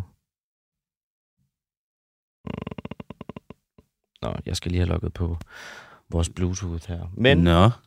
inden alt for længe, håber jeg i hvert fald, jeg har noget til dig. Øhm, hvordan er det lige pludselig at være bænket egentlig, og skulle sidde og, og, være- og være almindelig lytter på dit eget lille program her i Men det har da været en øh, fornøjelse. Jeg synes jo, det er fedt at se, øh, at, øh, at de gamle travere stadig kan, eller at sådan, at komme øh, a trip down memory lane, fordi det er for, på mange måder en, en, det er jo primært en god dag, øh, for vi sender to timer, og det plejer vi ikke at gøre, Mm. men det er også, øh, det er også en lidt trist dag. Adam, Ja, hallo? du er igennem Godmorgen. i studiet på en uafhængig morgen, og øh, værsgo. Ja. Skal I høre? En lille afsked hernede. Åh, oh. Altid vil jeg mindes denne aften. Altid vil jeg huske denne stund. Tåren i dit blik, smilet om din mund. Ja, altid vil jeg mindes denne stund. Den aller sidste dans, før vi går hjem, før solen og et ny dag bryder frem. Endnu er du mig nær, endnu er natten vor, og en den sidste vals, før vi går mit mylde med din mund, før vi går hjem. Det ønsker jeg mig kun, før vi går hjem. En aften er forbi, nu visker jeg godnat, og kysser dig til afsked. Jeg har aldrig følt himlen så nær som nu. Ja, wow. Tusind tak for det, Adam Fransen, operasanger. Hvor er det præcis, du er ansat? Altså, hvor ja, synger men du jeg henne? er freelance operasanger. Jeg synger på øh, Göteborg Operan, blandt andet på øh, Kongelig Opera har jeg sunget på øh, operan i Sydney og mange forskellige steder. Right. Jamen, Meget tu- smukt. Tusind tak for den øh, smukke øh, serenade, og kan du have en god dag? Ja, mange tak. Ja, og tak for god radio. Åh, oh, det er også der snakker. Godt, der er nogen, der gider at høre det. Øh, ja. Nå, ej, hvor fint, Nikolaj. Har du lige stået for det? Ja, jeg har fået hjælp. Nå, okay. Øh, nå, men så, øh, så synes jeg, vi skal hoppe øh, videre. Nu skal vi spørge, om vi lige så godt kan glemme alt om at få sandheden om Ahmed Samsom at vide. Tidligere på måneden så kom det frem, at hverken tidligere FE-chef Lars Finsen og departementchef i statsministeriet Barbara Bertelsen må vidne øh, i sagen om den terrordømte Ahmed, Ahmed Samsam mod øh, PT og FE til august. Erbil Kaja, du er forsvarsadvokat for Ahmed Samsam, og du er lige kommet ind i vores studie, så først og fremmest tak for det, og så også godmorgen. Selv tak, og godmorgen til jer også. Ja. Og det er jo en svær sag. Det, det er vel også... Øh, det er vel, det, og det er vel også en af de sværeste sager, du har haft som, som advokat. Ja, både ja og nej, ikke øh, forstået på den måde, at øh, vi... Øh, altså, øh, det er jo selvfølgelig svært, at øh, man er oppe imod staten, og man er oppe imod ikke bare staten, men staten i staten. Mm. Det er jo Mhm. PET og FE, vi taler om, øh, så, så det er jo ikke bare hvem som helst. Øh, og når de først lukker ned, jamen, så lukker de ned, og så er det svært øh, at åbne op. Øh, man kan ikke få agtindsigt, man kan ikke få lov til at komme ind til vidner og tale med dem, og man kan ikke få dem indkaldt, man kan ikke det ene, man kan ikke det andet. Øh, så på den måde er det selvfølgelig en vanskelig sag. Men på den anden side er det også den nemmeste sag, forstået på den måde, at øh, altså, jeg har aldrig nogensinde følt, at jeg havde retfærdigheden så meget på min side. Mm. Altså, at det, at, øh, at der er begået et øh, overlagt justismord mod en person, øh, det gør det til en af de nemmeste sager, fordi alt, hvad vi ligesom virvler op og graver ned i, jamen det bekræfter Ahmed Samsams historie, og det bekræfter, at han rent faktisk har været agent, og det bekræfter, at, øh, øh, at, at det, der er overgået ham, er helt utroligt, og i en dansk sammenhæng øh, helt uforståeligt. Men hvis Ahmed Samsom var ansat af PET til at være agent, så er det jo, som du også selv siger, en statshemmelighed. Og som du også selv lidt ind på, så må du ikke føre vidner, der kan afsløre statshemmeligheder. Det er øh, udefra set, og tænker også nogle gange indenfra set, en, en sag, der er umulig at løfte. Altså, er det ikke lidt det? Er du ikke sådan, hvis man skal bruge et, et, et, et dårligt ord for det, lidt Øh, på herrens mark? Overhovedet ikke. Og øh, det, altså det, det er jo en principiel sag, og det er også derfor, den starter i landsretten, og hvilket også er usædvanligt. Fordi vi har ikke fortilfælde for, at man anlægger sager mod efterretningstjenesterne, og det her med, hvor meget og hvor lidt skal der til, før noget kan anses for at være bevist. Øh, normalt vil man jo bare sige, jamen øh, hvis man påstår et eller andet, og modparten ikke svarer tilbage på det, så siger man, at der er skadevirkning. Og så siger man, jamen altså, det, du bliver nødt til at reagere på det, og gør, gør du ikke det, jamen så må vi anse det for Mm. at være det, der er tilfældet. Men sådan er det bare ikke med efterretningstjenesterne. Der øh, er nogle andre spilleregler. Og der må vi se på, jamen, øh, øh, om vi er på herrens mark, eller om, øh, om, om alle de vidner, som vi trods alt har fået lov til at føre. Ja. Blandt andet en tidligere advokat, der har forhandlet med efterretningstjenesterne, ja. og har mødtes med den med 13 omgange. Han kommer ind og afgiver forklaring under sagen eksempelvis. Og du ønsker også at indkalde en, en række chefredaktører som vidner. Har du nogen som helst indikationer på, at de vil bryde med deres kildebeskyttelse? Øh, Det, der er tanken øh, med, med chefredaktørerne, det var fordi, det kom frem, at øh, PET og FE chefer øh, var på intimideringstur øh, hos den frie presse, hvor de jo troede øh, den frie presse med øh, bål og brand. I hvert fald, hvad man kunne læse øh, i medierne, at øh, de altså kunne, kunne medvirke til, øh, til et eller andet strafbart. Mm. Øh, og siden da så er deres øh, dækning af Ahmed Samsam-sagen jo nærmest gået amok. Øh, men, men, men ikke desto mindre, så var det i hvert fald den trussel, øh, de, de følte sig udsat for. Øh, og det er egentlig det, de skal afgive forklaring om. Hvad det var det, der blev talt om? Øh, hvad sagde efterretningstjenesterne til den om Samsam-sagen? Og det kommer de åbne ud med. Så, men hvad end de måtte have af kilder, der vil kunne underbygge din sag, der har du ikke nogen indikation eller fornemmelse af, at de ønsker at bryde med den kildebeskyttelse. Øh, det, det må vi se på. Altså man kan jo, øh, øh, vi, man kan sige, vi, vi beder dem heller ikke om at bryde kildebeskyttelsen, og det er heller ikke sikkert, at de er interesseret i det. Det må vi jo se på.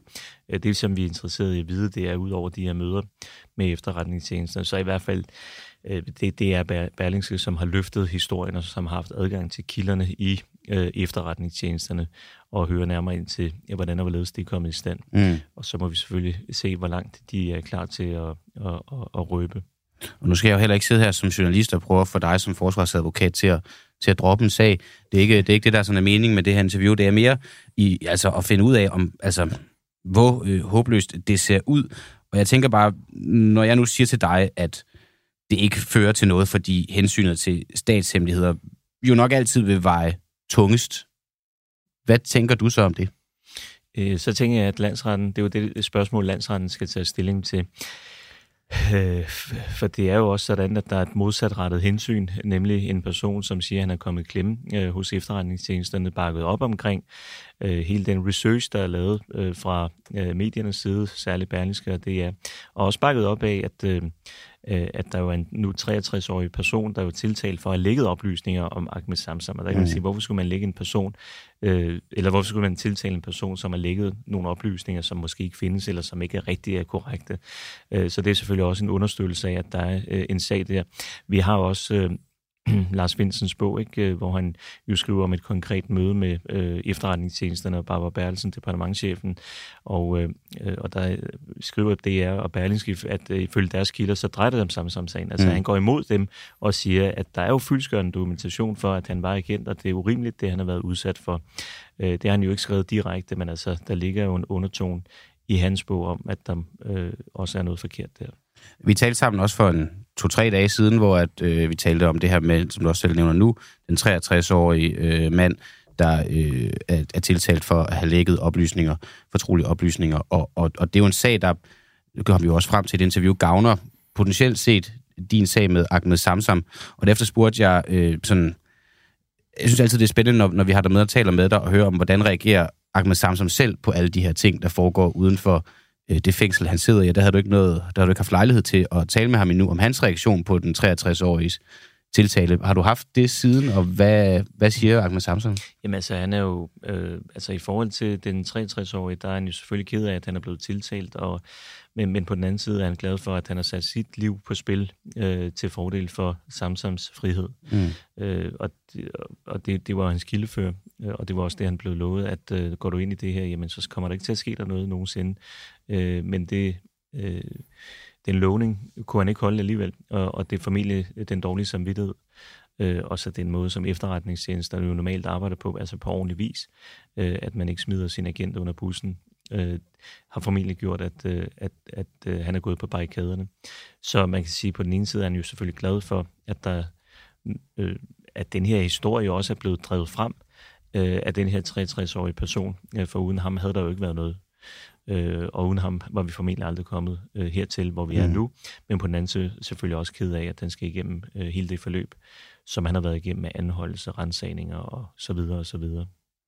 Vi, øh, selvom at det her sidste udsendelse, vi lukker os lukker, så vil vi jo fortsat følge med i sagen, og der er jo masser af andre medier, der, der dækker den, så der er jo nok øh, steder at, at følge med øh, hos.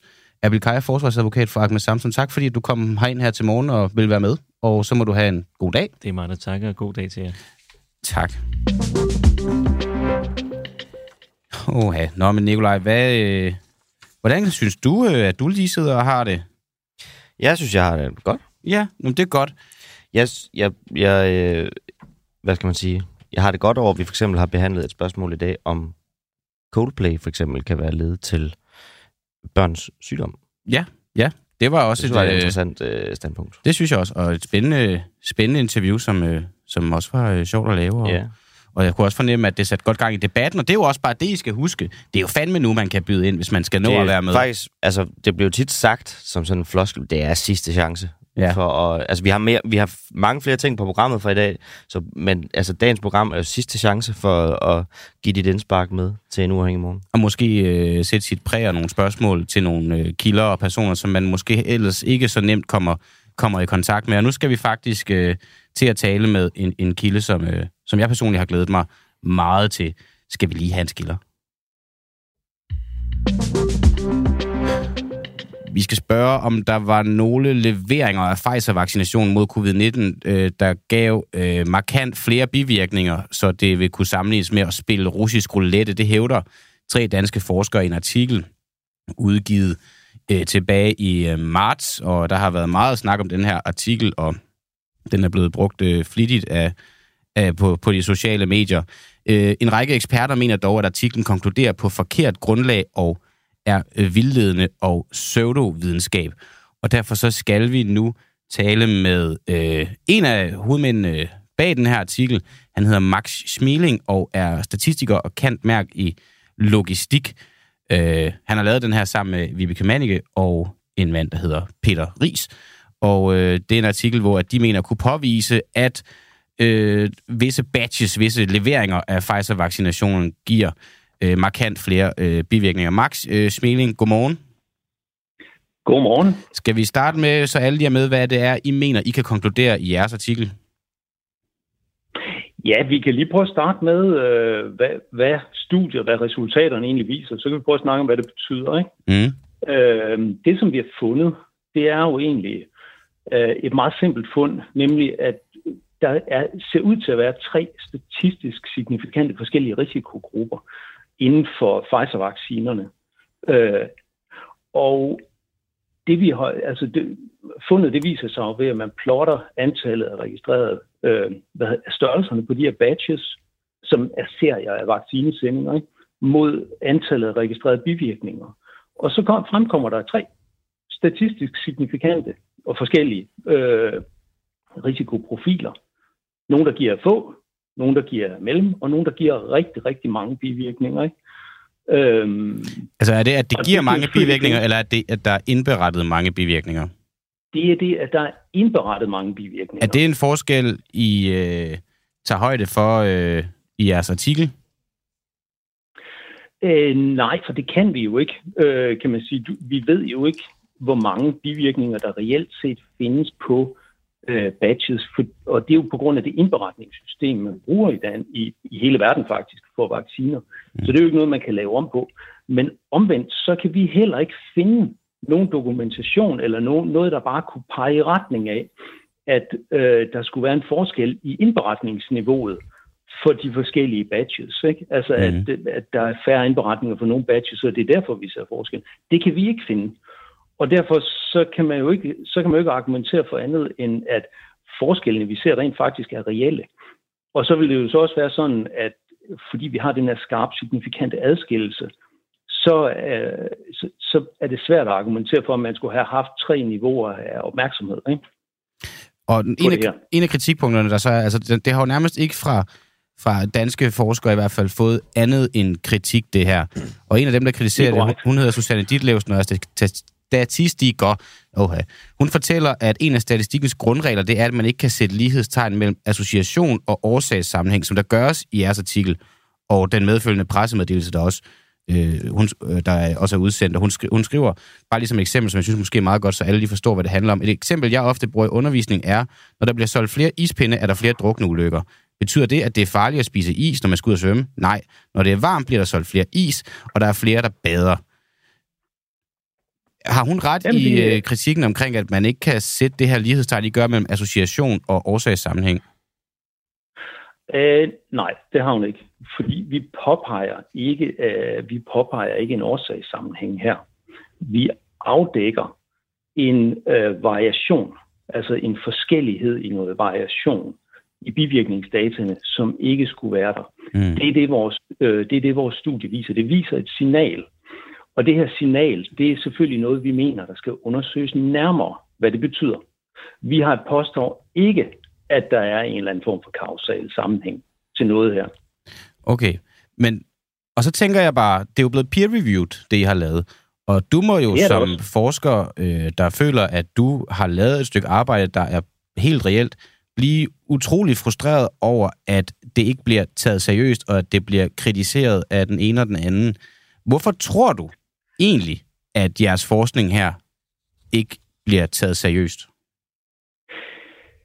Jamen, øh, nu, skal du lige tage, nu skal du selvfølgelig lige tage højde for, at øh, Susanne Ditlevsen, hun er, hvad hedder det, hun, hun er ikke uafhængig. Det er de andre forskere, som har kritiseret os heller ikke. Mm. Øh, de har alle sammen en eller anden form for interessetilknytning til øh, udfaldet af det her studie, som er negativ. Ikke? Og øh, det tror jeg er den største, det, det er nok den største... Øh, hvad, Hvad er hendes grund interesse i den at skulle... Øh, hun har været med i, hun har blandt andet været med i uh, den her ekspertgruppe, der skulle modellere, hvornår vi kunne åbne op igen. Uh, altså hvor, for hvor meget virusen spredte sig. men hvorfor betyder det så, Og det- og at den hun er jamen, interesseret den- i, at jeres den er studie ikke skal være retvisende? Den er jo ledet af SSI, den her gruppe, ikke? Så, eller den var ledet af SSI, den her gruppe, så det er klart, hun har et positivt interesseforhold til SSI. SSI, de står for, øh, hvad hedder det, de står for at overvåge sikkerheden ved de her vacciner. Og det er klart, de, at det her studie, det rejser jo implicit en alvorlig kritik af deres arbejde. Ikke? Ja, jeg, jeg, øh, ved det her. Og, Mm. og derfor så er der nogle interesser, der simpelthen gør, altså, at, at, at jeg, jeg antager, at det er derfor, kritikken kommer, fordi den er stik modstrid med, hvad vi oplever fra udlandet. Tror du, at altså- der er noget af kritikken, der handler om, at du har lavet det sammen med Vibeke Mannicke, som jo i forvejen er en kritiseret og øh, læge, forsker, om man vil, som der bliver taget afstand Øh. til i sådan den, den brede lægeverden. Har du forsøgt dig at Jamen- prøve at lave det her studie med andre end hende? Øh, nej, det har jeg ikke. Altså, man kan sige, vi har jo lavet, øh, altså, Peter øh, Ries Hansen og Vibeke Mannicke, det er jo de eneste, der havde modet til at, til at, at være med i det her. Ikke? Og derfor så er det jo os, der har lavet det her studie sammen. Jeg ved ikke, hvordan jeg skulle Men har du spurgt andre? andre vel? Er, er, er, er de de eneste, du er gået til at spurgt, eller øh, har du også henvendt dig til andre og spurgt, om I vil være en del af vores studie her? Vi, øh, vi, vi, vi stød, nej, nej, nej, nej, vi, stød, vi, øh, stød, vi stødte på hinanden, og så blev vi med det samme enige om, at øh, der kunne være mulighed for et rigtig, rigtig godt øh, samarbejde her i det her studie. Men hvordan kan du konkludere, at du er Øh. den eneste, der har mod, når du ikke har spurgt andre? ja, der er i hvert fald ikke andre, der har henvendt sig. Nå, øh, men det er jo ligesom, man søger et job. Man kan jo ikke bare sidde og vente på, at, øh, at jobbet kommer til. Man må jo sende nogle ansøgninger, man må henvende sig til nogen. Du har ikke henvendt dig til andre, men du siger så også, at du alligevel er sikker på, at der ikke er nogen andre, der vil have mod til at forske i det her og konkludere det, I gør. Altså, at visse batches af vacciner skulle have en markant højere bivirkningseffekt. Altså, altså der, der er jo ikke nogen, der har vist sig på banen, kan man sige. Vel? Mm. Men, men du skal jo så også holde det her op imod, at i udlandet, der har vi faktisk øh, fået, altså der har der været en markant positiv interesse omkring vores studie. Altså det vil være, det vil faktisk være, nu jeg er ikke øh, så glad for at sidde og prale over det, men øh, det, altså at det er gået viralt, det vil faktisk være, være en underdrivelse. Øh, det er blevet, altså det blevet downloadet øh, snart 69.000 gange, Mm. ikke? Øh, en gennemsnitlig. Man har sådan nogle øh, attention scores, der er sådan nogle tracker bag de her studier, der viser, hvor meget bliver de egentlig vist, ikke? Og sådan en gennemsnitlig kedeligt studie som vores, det har, øh, det har en, en score, eller det vil no- normalt have en score på 30 eller sådan noget. Vores har allerede en score på over 5.000, ikke? Mm. Så, så det, er noget, det er noget, der har fået en massiv interesse, ikke? I udlandet. Jo, jo. Og man kan sige, det er også det, der har været vores, det, det er egentlig også det, der har været vores formål. Vi viser et signal. Hallo? Oh, nu er du Ja, tilbage. hallo? Du røg lige ud. Ja, Nu er du godt. tilbage igen. Øh, vi, det viser et signal, ikke? Og, Mm. det, og det er et signal, der skal, der skal, øh, der skal efterprøves, og der skal forskes i. Ikke? Hvad betyder det her? Ja. Fordi vi skulle jo ikke se det i dataen, ikke? Og, øh, så, så, og så tænker jeg også, så vil jeg også nævne en anden ting øh, ved det her, altså i forhold til den kritik, der har været i Danmark. Ikke? Mhm. Fordi vi er jo blevet nævnt i Sundhedspolitisk Tidsskrift. Øhm, men efter publikationen af den her artikel i Sundhedspolitisk Tidsskrift, hvor den her kritik den bliver stillet fra, skal jeg lige nævne, øh, tidsskriftet selv, fra SSI, fra Lægemiddelstyrelsen og fra, så fra et par uafhængige eksperter, ikke? så efterfølgende, så er der altså blevet sendt breve fra i hvert fald SSI og Sundhedspolitisk Tidsskrift til journalen, øh, som vi har publiceret i, og hvor vi er blevet anklaget for øh, videnskabelig uredelighed, og at man har forlangt, at det her studie det skulle trækkes tilbage. Mm. Og, og journalen, de- var så, eller tidsskriftet, de var så, øh, de har behandlet os meget, meget fair på den konto. Altså, vi blev bedt om at forsvare os, øh, eller også så kunne vi frivilligt trække studiet tilbage. Ja. Og det gjorde vi. Vi forsvarede os. Ja. Øhm, og vi har jo så i den her uge, der har vi faktisk fået besked fra tidsskriftet om, at studiet det bliver, hvor det er, og at øh, kritikerne, de kan jo sende kritikken som et øh, brev til publikation, hvis det altså kan gennemgå peer review. Nej, så de, som har publiceret jeres sige- studie, har ligesom konkluderet, at det bliver, hvor det er, trods kritikken. Og hvis kritikken Ja. ligesom er der, så må man jo så øh, sende den så må, så må man Ja, så må man publicere den, og så må Ja. den øh, gå, undergå peer review, og så må den diskussion, der skal Mm. foregå, ligesom foregå i tidsskriftet. Og man, og, og man kan sige, det er, også, øh, det er jo egentlig også det, vi ønsker. Og jeg kunne godt tænke mig at vende tilbage til, i forhold til, hvorfor jeres studie ikke bliver taget seriøst. En af grundene til, at Vibeke Mannicke øh, nogle gange er i en, i en modstand i, i samfundet, det er blandt andet hendes øh, øh, spørgsmålstegns-sættende kommentarer omkring øh, visse personers dødsfald. Da dronning Elisabeth øh, døde, så var Vibeke Mannicke ude på sociale medier spekulere i, hvilket øh, batch-vaccine hun havde fået. Findes der i jeres forskning grundlag for at betvivle, hvorvidt at dronning Elisabeth skulle være død af en covid-19-vaccine? For at betvivle? For, nej, jamen, altså, for at sætte spørgsmål, for, nej, nej, nej, for, altså, for at nej, gøre det nej, til en nej, nej, mulig nej. forklaring på hendes død. Nej, man kan sige, vi, vi kan jo ikke ud fra vores forskning, altså på danske data, der kan vi jo absolut ikke konkludere noget omkring England, hvor de i øvrigt også i meget høj grad brugte AstraZeneca som, som vaccine. Ikke? Er der ifølge dig sig- grundlag for at, at øh, sætte øh, spørgsmålstegn og øh, have en mulig årsagsforklaring på dronning Elisabeths død, som kunne hedde, det kan være vaccinen? Altså, altså helt generelt, så er der, øh, så, så er der en rigtig, rigtig masse dødsfald. Nu er jeg jo ikke sundhedsperson, så, så den, nu, nu kommer vi uden for mit fagområde. Ikke? Men der har været rigtig, rigtig mange dødsfald, efter at vi er gået i gang med at vaccinere, som har noget som, med folk, der pludselig falder om. Ikke? Hvor man med rette kan stille spørgsmålstegn ved, kunne det her rent faktisk have noget med, en med vaccination at gøre? Ikke? Da Christian Eriksen faldt om på fodboldbanen, er der, er der grundlag for at stille spørgsmålstegn ved det? Eller synes du, Ja, at er der Germanica tager den for langt der? Nej, nej, nej, det synes jeg da helt klart, det er et relevant spørgsmål. Ikke specielt eftersom, at den italienske cheftræner tre uger tidligere havde ytret, at alle skam var vaccineret. Mm. Så jo, selvfølgelig. Men, men Har I noget belæg fast- for fast- at sætte det spørgsmålstegn? Nej, Christian, hold lige fast et øjeblik. Øh, der er, øh, altså, vi skal lige øh, gøre en ting, en ting klart her. Det er måske så vigtigt også for at undgå misforståelser. Mm. det her studie, altså du ved, man kunne godt læse ud af det her studie, at der er nogle batches, der er øh, døds, øh, dødssprøjterne, ikke nogen er øh, invaliditet, og andre det er placebo, ikke? Altså mange ser den, det her i vor, vores resultat, ikke? Mm. Og så, giver det, så, så, så, så leder det naturligt til, at, man, at, at sådan nogle spørgsmål, som dem du stiller nu, de kommer op. Vi kan, det her studie kan ikke bevise, at sådan noget det er tilfældet. Okay. Det viser kun, stadigvæk, det viser stadigvæk kun et signal. Men det, men det, øh, det gør ikke, at det er umuligt, at det rent faktisk at det er, at der rent faktisk også er sådan noget i det. Ikke? Men er det så i virkeligheden også med til at svække jeres troværdighed, eller sådan det der med til at, at gøre, gøre det, at I får kritik, at der er nogen, der måske ender med lidt at misbruge jeres studie til at have en årsagsforklaring, der hedder, se selv, Max Meling, Vibeke Manninger og Peter Ries, de siger det, øh, det er en dødsbrøjte. Jamen, det kan der jo sagtens... Altså, det, Skader de det mennesker kan, jeres det kan studie? Ja, altså, det, det, verden, må jo, verden må jo fortolke de ting, der kommer ud, sådan som de nogle gange gør, ikke? Mm. Altså, det, det, kan vi jo ikke, det kan vi jo ikke røre ved. Men skader de studiet i dine øjne? Hmm, Der kommer en diskussion, ikke? Så må den, øh, så må den, altså jeg ved ikke, om det skader vores studie, men der kommer en diskussion, og så, så må man jo tage den. Altså, vores pointe, vores, vores mål, vores agenda med det her, det er at, at, at starte en diskussion, fordi uden den diskussion, så finder vi aldrig nogensinde ud af, hvad det her det betyder. Vel?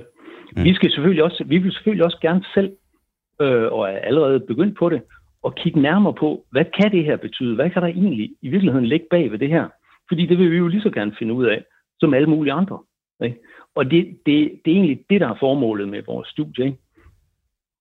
Okay. Bare til sidst, Øh, er det her, det her det er vel det første medie, du fortæller de her ting i? Eller ja, det er meget, hvad hedder det? Ja, ja, ja. har du henvendt det dig til er- andre medier, for eksempel DR, TV2, øh, nogle af de skrevne øh, dagblade, øh, skrivende dagblade, og, og forsøgt at fremlægge de her ting for dem, eller Ja, det har jeg. Det Hvad har jeg reaktionerne været der? Jeg, ingen. Øh, og jeg har også skrevet adskillige brev til Folketinget, ikke? Øh, og det, som ligger på deres hjemmeside. Der er ikke, øh, der er ikke kommet nogen som helst reaktion okay. ud fra noget af det. Max? Øhm, og jeg, en ting, der virkelig, en ting, jeg virkelig synes, der er træls ved det her, øh, det er jo, at på trods af de resultater, vi kan lægge frem, så øh, får vaccineskadet, de får stadigvæk ingen hjælp. Mm. Øh, altså, vi er stadigvæk lige så, vi er stadigvæk lige så øh, modstridende mod at skulle acceptere, at der kunne være nogen, øh, som rent faktisk var ramt hårdt af det her. Ikke? Og Men det er jo bare Det- igen, altså du er ude at sige, der, der kunne være nogen, der er måske nogen, det, det kan man jo sige Nej, om hvad som helst. viser, hvor, ja, men vores studie viser jo, at der er en tydelig forskel mellem de her batches, ikke? i forhold til, hvor stor risikoen er for, at man får bivirkninger. Og det vil sige, at der er nogen, der har haft en meget stor risiko, Andre folk, de har haft nærmest ingen risiko. Ikke? Og du bliver også nødt til at stille spørgsmålet. Det her, det er jo sådan noget til epidemiudvalget. Ikke? Men Du bliver nødt til at stille spørgsmålet ved det her. Jamen, hvis du nu skal ned og vaccineres, ikke? Mm. og du siger, jamen det er fint, jeg har bare pro-vaccine, bare sprøjt mig. Ikke? Kan du så i virkeligheden, kan du i virkeligheden give samtykke til, til den her vaccination? Og det, det, er faktisk et- det er faktisk en af konklusionerne af studiet. Det kan du ikke. Du kan ikke, fordi produktet er så forskelligt i risikoprofil, at du kan rent for det er ikke muligt for dig at give informeret samtykke til det. Mm. Vel? Og, så, og så bliver spørgsmålet, det er jo, at- det er jo et alvorligt problem. Ikke? Ja. Og, så, og, og der synes jeg ud fra det, man skulle i det mindste begynde at undersøge det og interessere sig for det her, Mm. og finde ud af, er der rent faktisk nogen, der er blevet skadet af det her? Fordi det er der. Okay. Ikke? Og så sørge for, at de mennesker, de får noget behandling. Ikke? Det synes jeg, det var, det, det var et minimum, man kunne gøre. Men altså indtil, indtil videre, så har der jo været tavst her i Danmark. Ikke? Alright, Max Smiling, det er alt, hvad vi når. Øh, vi er gået fem minutter over tid. Men du skal have tak, fordi at du var øh, med her til morgen. Og øh, ja, altså det var jo sidste chance for dig også at medvirke, også første chance. Men, men nu har du været med, og det var den sidste udsendelse, så jeg håber, det var okay. Og så må du have en, øh, en dejlig dag. Eller weekend. Yes, og, og i lige måde til jer. Tak. Ja, jamen hvad skal vi så nu, Nikolaj? Nu er klokken, altså nu er det faktisk, nu vi sender to timer, så er det jo relevant lige at fortælle klokken hver en gang, men nu er den altså 7.25. Nej, den er ikke, Christian. 8.25 for helvede. Jamen, vi nåede, vi nåede ikke at indstille. Der er et ur foran os, det kan Ja. ja. I jo ikke se, men der er sådan et ur foran os, der fortæller præcis, hvad tiden er, i forhold til, at vi har en liste over, hvem der skal på, hvornår. Og det er ikke blevet indstillet på sommertid Nej, endnu. den kører stadigvæk på, på vintertid. Ja. Så det er rigtigt nok, den er faktisk allerede 8.25. Og det vil sige, der er 35 minutter tilbage mm. af en uafhængig morgen. Ja. Ja. Vi skal jo også på en eller anden måde til en, øh, en uafhængig klassiker nu, fordi at vi skal til et interview, som, øh, som skulle have været med, altså i bedste fald, med forsvarsordførende mm. bag aftalen øh, omkring forsvarsforliget. Men øh, altså, det vil nærmest også være mærkeligt at, at slutte af med, at de stillede op. Jo, jo. Der er ikke, øh, altså der har faktisk været, det har været utrolig svært, nærmest øh, særligt svært at, i, lige akkurat i dag at få folketingspolitikere på, og det er jo generelt altid svært. Mm. Men det er jo så også tilfældet ved denne her sag, og derfor så må man jo tale om den varme grød, i stedet for at, at direkte æde den. Det skal vi gøre med dig, Peter Ernstved, chefredaktør for Forsvarsmediet Olfi. Godmorgen. Godmorgen. Øhm, helt præcis, så skal vi tale om det her med, at onsdag aften så indgik regeringen sammen med syv af Folketingets øh, partier et øh, delforlig på forsvarsområdet, som sikrer et løft på 143 milliarder kroner over de næste øh, 10 år. Hvad, øh, hvad skal vi umiddelbart lægge øh, i det, hvis man spørger dig? Man skal lægge det i det, at det er et øh, meget, meget lidt konkret forsvarsforlig. Jeg tror aldrig, der er blevet skrevet så upræcist et forsvarsforlig. Der er en masse hensigtserklæringer og beskrivelser af principper, men der er meget lidt konkret om, hvad der skal ske på forsvarsområdet. Til gengæld så er det jo rigtig nok rigtig mange penge, 143 milliarder over 10 år. Det betyder også, at det, der bliver lagt op til i det her, fordi det øh, bliver, at, at der kommer en række delforlig. Det, jeg synes, der er det helt væsentlige i den forbindelse, det er, at de 10 partier er enige om økonomien. Men fordi, at der skal være en række del øh, forlig eller delaftaler i løbet af forligsperioden, så er man også blevet enige om, at, at partierne er enige om økonomien, men når delaftalerne skal forhandles på plads, så skal der bare være seks af de 10 partier, der er enige, og der skal bare være 90 mandater. Det vil sige, at man risikerer, eller man kan i hvert fald komme i den situation, at der er en del partier, som vælger at stå uden for delaftalerne, men stadigvæk er en del af forliget. Når du så siger, at det er et af de mest øh, ukonkrete øh, forlig, øh, du i hvert fald sådan lige kan, kan komme i tanke om, altså er der så noget, der forsvarer egentlig, at det er så lidt konkret, som det er? Ja, selvfølgelig er der det, for man kan sige, øh, det man jo også har kritiseret tidligere forlig for, det er, at de er alt for fastlåste. Altså eksempelvis indgik vi et forlig i 2013, der gik over fire år til 2017, og så rykkede Putin ind i Ukraine i øh, et halvt år efter forliget var indgået, så sagde man, uh, vi har et forlig, det er vi nødt til at holde os til. Så hele ideen med det her, det er, når du nu er et meget langt forlig på 10 år, så, bliver der større manøvrefrihed, og det vil sige, at det bliver lettere at øh, tage nye øh, politiske virkeligheder ind i forlidet og justere forlidet undervejs. Så, mm. så på den måde giver det god mening. Det, som jeg øh, efterlyser i høj grad, det er, at vi er nu halvandet år inde i krigen i Ukraine, og der er stadig intet konkret om, hvordan vi skal fastholde det personel, som flygter ud af forsvaret med en hastighed, som er alarmerende. Mm. Og hvad er så den første lavt hængende frugt af konkrete løsninger, som altså man, med den viden, man har øh, i dag, altså burde kunne have vedtaget uden problemer? Jamen, jeg kan jo slet ikke forstå, at man ikke for lang tid siden har vedtaget en akutpakke til forsvaret, der har givet forsvaret en massiv saltvandsindsprøjtning af rigtig mange penge, så man kunne begynde at købe de våben og den ammunition, uniformer, køretøjer og reservedele, som soldaterne står og skriger på. Mm. Altså det kommer jo først drøbvist hen ad vejen med de første penge i 2024, og det er noget, som har været velkendt længe, at det er det vigtigste at få sat i gang nu og her. Og jeg forstår simpelthen ikke den øh, fodslæbenhed, som der er i forhold til at få rettet op på nogle af de helt akutte problemer. Mm.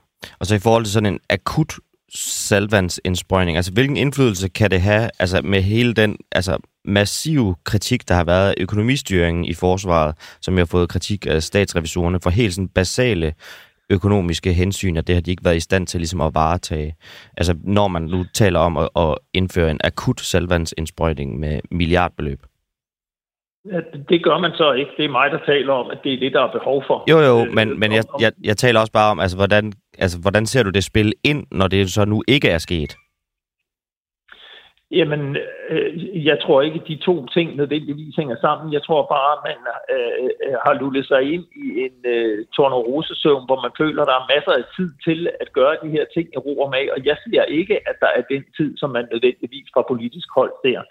Det, som jeg mener, man i hvert fald burde have gjort som noget af det første, alle er enige om, at afskaffelsen af det, man kalder civiluddannelse, har været en katastrofe, fordi øh, soldaterne spurter ud af forsvaret. Altså øh, konstant, blandt konstablerne mangler hver fire, blandt øh, officererne er det 13 procent, der siger op, øh, og, og tallet er stigende. Så der er behov for at gøre noget her og nu for at holde på de soldater, der er tilbage. Civiluddannelse var en måde, hvor man kunne optjene løn så når man forlod forsvaret, så havde man x antal år til at gå ud og tage en civil uddannelse med fuld løn, fordi man havde sparet den op. Det var noget, der gjorde, at folk blev i systemet. At man ikke har lavet sådan en aftale i løbet af det her landet år, hvor vi har været fuldt engageret i Ukraine, det fatter jeg simpelthen ikke. Og der er intet, der tegner til, at det kommer til at ske forløbigt, det her. Hvad ser du egentlig konsekvenserne være af det? Fordi nu kommer du med en hel, øh, hel række af kritikpunkter af, øh, hvordan forliget ikke er øh, i den tid, der kommer nu. Altså hvad er egentlig de øh, hvad skal man sige, øjensynlige konsekvenser af, at man har indrettet det så ukonkret, som man har? Jamen det er jo lige præcis, at den personaleflugt, der er i øjeblikket, som er alarmerende, den alene vil tage til. For nogle af dem, der er blevet i forsvaret, de har jo gået og ventet på, at nu kommer der nogle flere penge, som forhåbentlig kommer også til gavn meget snart. Og jeg må bare sige, at der kommer til at gå meget, meget lang tid, før det kommer de soldater, der er i forsvaret, til gavn og glæde. Mm. Og udfordringen ved det er, at man risikerer, at endnu flere stiger op og forlader forsvaret, hvor hullet bliver endnu større. Det vil sige, at de forudsætninger, man bygger for livet på, risikerer så at, at være nogle helt andre alene, når det kommer i 2024. Mm. Og hvad skal man sige, og det er jo ikke for at tage noget fra det, men det lyder alt sammen som værende nogle øh, konsekvenser, som er internt i forsvarssystemet, altså for den, hvad skal man sige, almindelige samfundsborgere. Hvad, hvad, hvad kigger vi så på der af konsekvenser af det her? Jamen, øh, vi står med den helt reelle risiko, at forsvaret bryder sammen, at man simpelthen ikke har evnen til at vokse, fordi for at vokse er man nødt til at have det, man kalder en kader. Altså, når der kommer flere værnepligt ind, så er der nødt til at være nogle befalingsmænd og nogle officerer til at uddanne. Der er nødt til at være noget personel til at sørge for det administrative. Det personel er der ikke. Mm. Og, og, og det betyder bare, at man er ved at være dernede, hvor det er så kritisk, at man simpelthen får svært ved at indfri alle de ønsker og planer, man har om at vokse, fordi man har lavet det køre i seng. Altså bare som et eksempel, da, da Rusland gik ind i Ukraine, der besluttede NATO at hæve beredskabet. Vi blev bedt om at sende en bataljon til Letland. Den bataljon kunne vi sende afsted to gange, det vil sige to gange et halvt år. Den kom afsted i maj sidste år, den blev erstattet i efteråret, og til maj i år, der måtte vi trække den hjem, for vi havde ikke flere soldater til at afløse. NATO vil gerne have den bataljon afsted igen så hurtigt som muligt. Og man har sagt fra den side, det skal vi nok, den kommer afsted næste år i sådan forkortede perioder, nogle uger ad gang, og så skal vi hjem og slappe lidt af, inden vi kan tage afsted igen. Og hvorfor er det sådan? Ja, det er det jo fordi, der ikke er soldater. Dem, der skal afsted næste gang, det er dem, der allerede har været afsted en gang. Det vil sige, at man trækker rovdrift på de soldater, der er i systemet, med risiko for, at de siger, ej, prøv at høre, det gider jeg simpelthen ikke mere, fordi lønnen og forholdene er så usle, og vi får ingen tak for det her, så de siger op. Altså, det er jo det, man står og kigger ind i. Okay. Peter Ernst ved, chefredaktør for Forsvarsmediet Olfi. Tusind tak for endnu en gang og for sidste gang at være med på en uafhængig morgen. Kan du have en god dag? I lige måde. Kan du lige prøve at tænde for den Øh. Kommer vi til at begå fejl? Ja, det gør vi. Kommer jeg til at begå fejl som statsminister? Ja, det gør jeg. Vi kan da godt se fejl, men jeg ved da ikke, om, om andre kunne gøre det bedre. Nej. Altså, om du kunne gøre det bedre, hvis du sad der, eller jeg kunne gøre det bedre. Det tror jeg ikke. Hun har ikke begået nogen. Hun gør alting godt. Man skal ikke gøre sig til dommer for, når man ikke selv øh, står med det samme ansvar og den samme indsigt.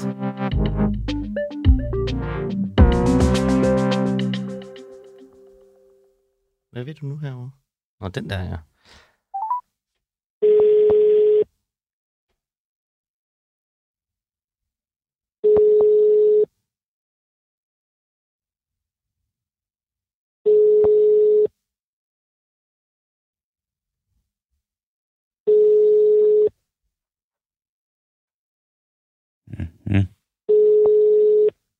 Mm.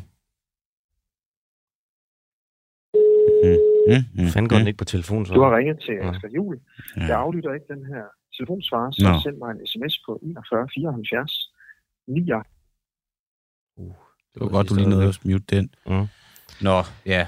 Der ringede vi til Asger Juhl, for vi ville have hørt ham om, hvad det er for noget radiofolk, de nu skal høre, men han tog den jo så bare desværre ikke. Så øh, det betyder, at vi må hoppe, hoppe lidt hastigt videre til, til nogle af alle de andre ting, vi har, har på programmet. Skal vi, ej, skal vi nu bare lige, hvor vi lige alligevel har lidt tid, ikke? Øh, kan du lige tænde for det der Bluetooth noget igen? For så har jeg en anden, jeg gerne lige vil ringe til. Bare fordi vi har sidste gang til lige at gøre det. Og han har jo som sagt ikke vil stille op til noget som helst.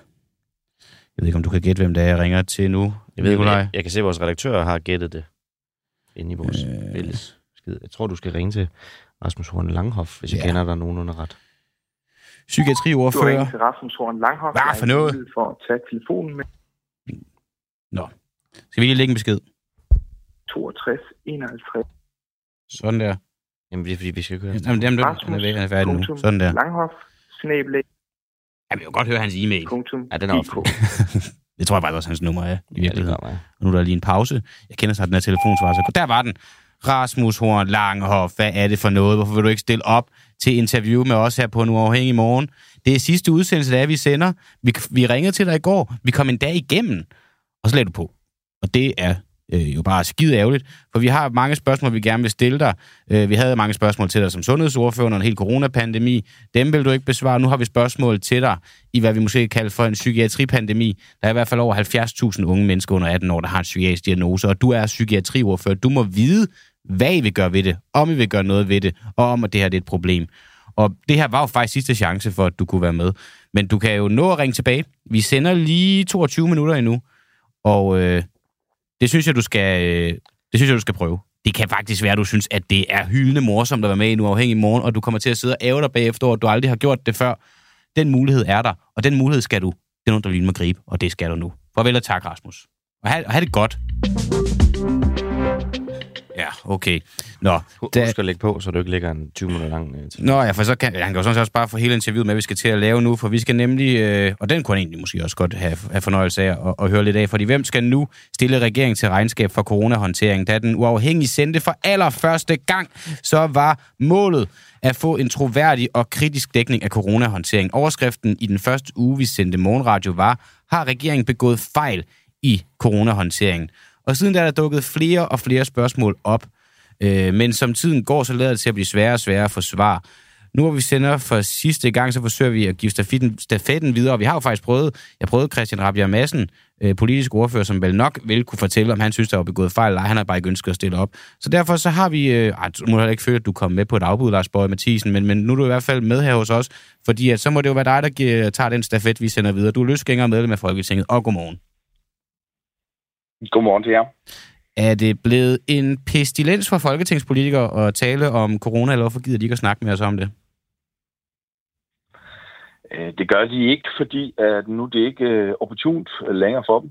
Øh, Det eneste, når de kommer til at snakke om det nu, så er det jo for at udsætte øh, det groteske cirkus, som de selv var en del af, og, og, det svigt, som langt størstedelen af, af folkene i Folketinget, de, de lavede i de her år. Altså, man ved jo næsten ikke, hvor man skal begynde. Altså, det er den største samfundsmæssige skandale, som jeg har oplevet i min øh, levetid. Altså, hvis vi bare sådan kort tager det, ikke, så har vi en, en statsminister, som erkender, at hun ikke har lovhjemmel til, hvad hun gjorde. Vi har et embedsværk og et myndighedsværk, som erkender, at de godt vidste, at det, som de sagde til befolkningen, det ikke var sandt. Og så har vi et folketing, hvor partierne godt vidste, at de blev kørt rundt om sig selv og blev kørt rundt af regeringen. Men de lod det bare ske af taktiske og strategiske øh, årsager, fordi det var vigtigere øh, at, at kæmpe og vælge optimere, end det var at kæmpe for grundlæggende, borger, grundlæggende borgerrettigheder. Så det er et, et, et, et vanvittigt øh, scenarie, som har foregået i de år. Og, øh, og øh, det mest groteske, jeg har oplevet, det var jo, at, at når jeg gik rundt og talte med min, mine kollegaer, jamen, så var de jo godt klar over det. Men, men jamen, der er jo nogen, der har flere stjerner på skuldrene end mig, så, så de turde ikke lige at gøre noget ved det. Og nogle af, altså, så sagde, jamen, jamen, jeg er enig med dig, men jeg, jeg må ikke gå ud og sige det, jeg tør ikke gå ud og sige det. Mm. Så det var en grotesk historie øh, og situation, som stod i, og den har de fleste jo lyst til at bare begrave og komme videre. Der var politikere, der sagde til dig, jeg er enig med dig, men jeg tør ikke gå ud og, og sige det. Forstår jeg det rigtigt? Ja, absolut. Hvem var det, der sagde det? Nej, det får du ikke at vide. Jeg, jeg, jeg kan godt øh, sige noget til mig og have et tillidsforhold til, at, at det ikke kom, kommer videre. Det er, det er nødvendigt at have det. Mm. Hvorfor tør du ikke sige det? Det er ikke noget med, at jeg tør. Det er noget med, at jeg vælger og ikke øh, vil sige det. Så du tør godt, Øh, men vil ikke? det er nødvendigt, at folk kan... kan ja. Hov. mig i, i tillid. Nå, det er jo det er en skam. Jeg kom bare til at tænke på, når du så siger det her med, at altså, som journalist, man ved, når en politiker ikke vil stille op, så er det fordi, de har en, en dårlig sag. Det er i hvert fald tit tilfældet. Øh, så kan man jo godt komme til at tænke, men er det så fordi corona er blevet en, en dårlig sag for dem? Det er jo lidt det, du også ligger op til. Det kan jo også bare være fordi, at vi er på den anden side af den nu, og vi ikke kan blive ved med at, at tærske langhalm på den. Altså, skal vi ikke også bare se at komme videre, eller hvad? Ja, altså det, ja, det, men man kunne godt have en pointe, hvis det var sådan, at der ikke var, var, var ting at, at, at undersøge journalistisk nærmere, eller ting, som man synes, der var i samfundets interesse at få, få klarlagt. Men vi bliver jo nødt til øh, helt grundlæggende, jamen de nedlukninger, der skete, på hvilke baggrund skete de? De kommer mere og mere frem, at det ikke skete under et, et i hvert fald videnskabeligt, øh, at der ikke var videnskabeligt belæg, men der heller ikke var et, et, altså et, et ordentligt empiri, eller der heller ikke var et ordentligt, øh, man havde jo kørt, kan man sige, Sundhedsstyrelsen ud på sidesport, og man har kørt SSI. Så hvis man bare kigger på nogle helt grundlæggende ting, jamen den misinformation eller mangel på information, der gik til Folketinget, det skal jo stadig undersøges. Hvad med de midler, der blev kanaliseret til de her Big Pharma-selskaber? De kontrakter her, de er Øh, nu har vi jo bare set herinde fra i efteråret 2022 og 2023, at der blev, blev bestilt 18 millioner vacciner. Hvorfor har man det? Man ved udmærket godt, at man ikke får brug for dem. Hvordan ligger de kontrakter? Hvem har indgået de kontrakter? Hvad står der i de kontrakter, siden at man stadigvæk bestiller så mange øh, vacciner på det tidspunkt? Hvad er de reelle konsekvenser, der har sket for de unges manglende læring og social trivsel? Det har vi heller ikke fået undersøgt. Der er ikke engang interesse i at vide, hvad har det haft af konsekvenser? Hvad er de samme økonomiske over? omkostninger. Den her overdødelighed, som vi ser, og den er faktuelt, den ser vi, vi ser den ikke kun i Danmark, men ser den mange steder. Øh, hvad er det, den, den, hvorfor, jeg ved ikke, hvorfor den er der. Men er Vi ser det, den er ikke lige nu. vacciner? Det har vi Er lige nævnt grund- tidligere i programmet. Vi har faktisk talt om overdødeligheden. Den er på et fuldstændig almindeligt niveau lige i øjeblikket.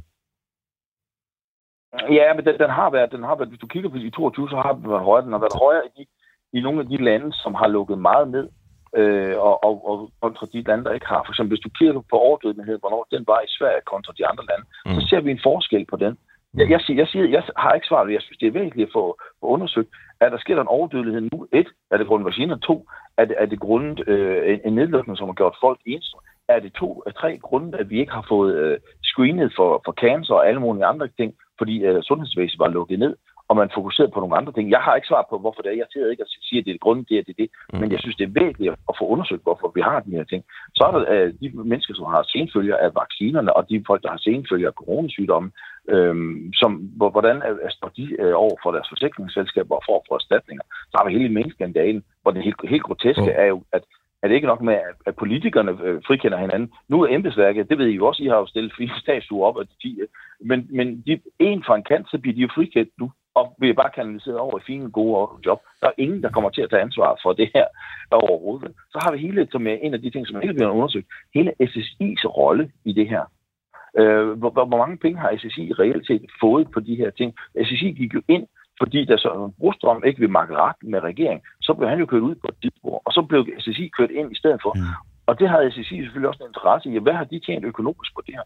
Hele testområdet, der er to-tre firmaer, som har tjent kassen på det her, på, på værnemidler og test. Hvad er det for nogle kontrakter, som, som, som, som begår ind på den måde? Så der er en lang række ting, som, som synes jeg, øh, hvis, hvis jeg sad sådan, det tror jeg, det er også derfor, I bliver ved med at synes, det er interessant fra en journalistisk vinkel at undersøge de her ting. Men jeg synes også, at hele det her får vi ikke, altså, hvor, jeg synes også sådan øh, samfundsmæssigt interessant at se på, hvordan kunne, hvordan kunne en befolkning blive lade sig fordreje Altså, hvad, hvad, øh, vi har et problem nu, som, som der er nogen, der har været ude og sige, jamen folks generelle tillid til at for eksempel tage vacciner er dalende, fordi at man snød folk, befolkningen med den her. ikke? Og det er jo også nogle ting, som jeg synes, der er, er, er problematisk.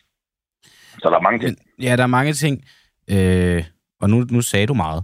Øh, og jeg må bare lige bide, bide fast i en af dem. Så siger du, der er mange senfølger af, af, af, af coronavaccinen. Hvor mange senfølger er der af coronavaccinen og Nej, bivirkninger? jeg, sagde, jeg, sagde, jeg, sagde ikke, jeg sagde ikke, der, nej, jeg sagde ikke, der er mange. Jeg sagde, der er. Hvor mange er der? Sen, der er senfølger. Øh, Hvor mange er der? øh, jeg, jeg har ikke, jeg har ikke, jeg, jeg har ikke det. Øh, Hvor ved du fra, der er senfølger af øh, vaccinen? Øh, jamen, fordi det, det har folk jo fået, fået anerkendt. Altså, der er jo, Men altså, er der jo skal vel alligevel være et vis mængde senfølger af vaccinen, før det er er relevant at sidde her og diskutere og tale om. Der er jo masser af medicin, der er, er bivirkninger ved. Der skal vel være en, en, en vis signifikant forhøjet bivirkningseffekt for, at vi skal tale om, at det er noget, der skal have politisk interesse. Og så er spørgsmålet bare, når du i tale det nu, ved du så overhovedet, hvor mange senfølger af vaccinen der er? Øh, jamen, så, det, kan jeg, det kan jeg slå op. Jeg, jeg har ikke tallet her i hovedet, men, det, men, det, men man, man kan slå det op, det står der. Altså, det er jo rimelig simpelt at finde. Okay, men, men, det er, men du øh, ved, at det er så mange, at det er politisk relevant at debattere. Jeg synes absolut, det, det, det, altså det øh, synes jeg, og det kan også se, hvis du tager nogle af de eksperter som Christine Stabel Ben og andre, som synes, det er væsentligt interessant at, at, at beskæftige sig med. Og det, der er interessant i det, det er jo at sige, jamen, man skal jo hele tiden holde op med, hvad var de positive effekter kontra, hvad er bivirkningerne? Ja. Og, og der er, er, har vi jo fundet ud af nu, og de har jo selv, og man har kendt, jamen altså, øh, folk under 60, måske 60-65, jamen, jamen der, der har ikke været noget som helst, hvis du ikke har haft en underliggende kronisk sygdom eller andet, har der ikke været nogen grund til, at du skulle tage den her vaccine. Og derfor, derfor er det da meget relevant, for at når der er for en masse unge, øh, når der for, en- for en masse af de mennesker, som ligger i den gruppe fra 60 og 65 år ned efter, som har taget den her vaccine, hvor der er nogen, der har fået en bivirkning, som der, hvor det ikke var nødvendigt at tage vaccinen. Jamen der er det, skal man hele tiden sige, at hvis det ikke var nødvendigt at tage vaccinen, jamen så er der enhver bivirkning, er jo, så har jo så været for meget. Og, og, og som det er kommet kom, kom frem, og, og, og, øh, og, og man ser, øh, som også er anerkendt, der lige kom lige en amerikansk undersøgelse her i sidste uge, som også øh, bekræfter det samme, som, som øh, man også bekræfter for dansk undersøgelse i 2021, øh, med, med det her med, med, med hjertebetændelse, som, som er ikke er, er noget, man ser ofte, men man ser det nogle gange ved unge mænd. Øh, og og, og, og der, der har man jo set en stigning i det. Og der er det da meget relevant at sige, jamen hold, man, man sagde til en masse unge mennesker, I skal tage den her vaccine. Vi har en statsminister, der stod og sagde, vi har en Søren Brostrøm, der stod og sagde direkte, den øverste øh, sundhedsmyndighed, vi har, som siger, unge mennesker, I lever livet farligt, hvis I ikke tager den her vaccine. Men det var jo, øh, det var jo falsom. De levede jo ikke livet farligt, hvis de tog vaccinen, fordi de ikke behov for at tage vaccinen, hvis de ikke havde en underliggende kronisk sygdom. Mm. Men der var nogle bivirkninger. Hvor mange der var, og hvor hårde de var, vel? Det er jo det, vi skal have. Det er det, der skal undersøge. Og hvad, og hvad vil du gøre, Lars? den Det er bare, fordi vores tid er snart ved at være, være rendt ud, men, men nu, nu, nu får du en, en, en stafet. Du har jo taget den i hånden i forvejen, men nu lukker vi og kan jo ikke, i hvert fald som, som medie, grave videre så meget af det her og holde politikerne Ja, til ansvar. Så hvad vil du gøre herfra for at at kan holde fræk, debatten. Jeg løftede den lidt før, ja. Men, øh, men jeg, jeg har gjort det godt, synes jeg. Jo, og, og tak for det. Det var heller ikke, øh, jeg vil bestemt ikke. Det skal ikke være en konkurrence. Men hvad, hvad, vil du gøre, Lars Bøje Mathisen, fra nu af? Du er jo boy på borgen, øh, løsgænger, du er jo en fri mand, må man sige. Så hvad, hvad gør du på borgen herfra for at, øh, for at få svar på alle de her spørgsmål omkring corona, som der ikke er besvaret endnu? Altså, jeg, jeg har brugt lige, øh, lige de sidste par måneder lige til at skridt tilbage og få, øh, og få en øh, lang række spørgsmål øh, lavet og dykket mig ned i fakta. Jeg snakker med en masse fagfolk, som, som, øh, som kan klemme på til at få stillet en spørgsmål. Så jeg har en, en by Hmm. af, af, af spørgsmål, og, øh, og som, bliver, som kommer til at blive stillet skriftligt, og sandsynligvis også mundtligt i, øh, til jordstadsmøderne. Nu er der selvfølgelig kommet en ny sundhedsminister, men det ændrer ikke noget på, at der skal svares på nogle, nogle lang række spørgsmål. Øh, så, så, så jeg kommer stadigvæk til at, at, at gå efter den her sag på, på en lang række områder, og det gør jeg jo fordi, at det er jo vigtigt at se helt grundlæggende, og grunden til, at, at jeg reagerede, det var jo, for jeg kunne jo se til sidst, eller faktisk, da vi kom hen til april-maj, øh, kunne vi jo se, og da vi fik noget data på det, at nu begyndte politikerne at ikke agere efter, hvad tallene sagde, og ageret efter politiske hensyn, i stedet for, kan man sige, en rent sundhedsmæssige hensyn. Mm. Og, og det skal vi jo sikre, at man ikke gør. Vi skal jo sikre, at vi ikke har en statsmagt, som går ind og træder over borgernes grundlæggende, altså forsamlingsfriheden og alt muligt andet, som man gik ind over. Folk, der ikke kunne komme til begravelse og, og bryllup og alle mulige andre ting. At, at, at man ikke lader politikerne og systemet træde ind over folk og fjerne deres grundlæggende borgerrettigheder på et så spinkelt grundlag og på et falsk grundlag.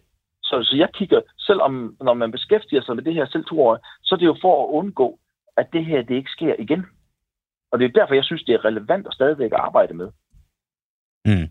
Og det, det vil vi jo så øh, se, hvad, hvad der ender med at komme ud af. I hvert fald Lars Bøge Mathisen, løsgænger medlem af Folketinget. Tak fordi, at du var med her til morgen, og så må du have en god weekend. Jeg stiller altid gaden op.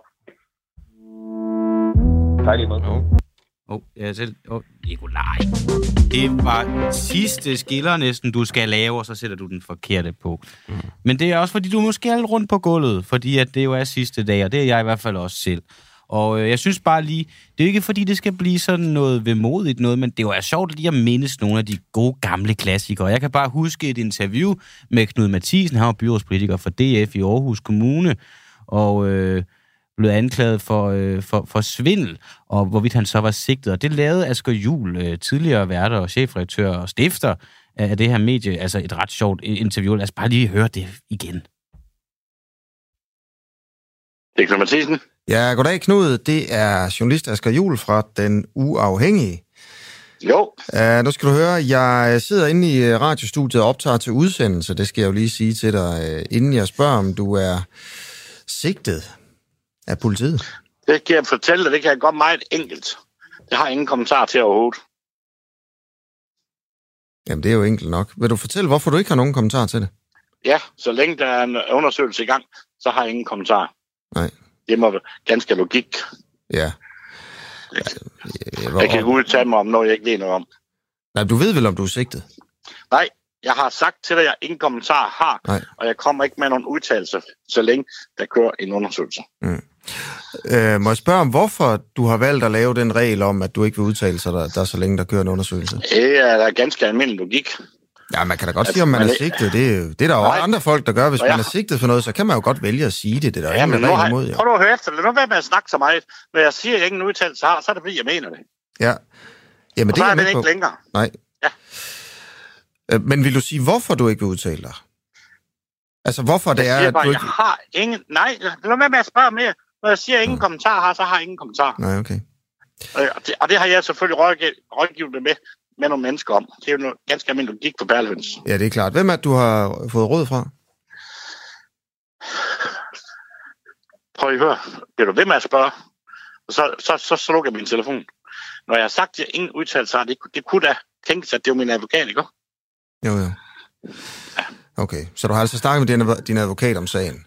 Jeg siger, Øh, vil man gøre det, hvis man du. ikke var... Ja, Nu, nu stopper du. ja, Jeg har ikke flere udtalelser overhovedet.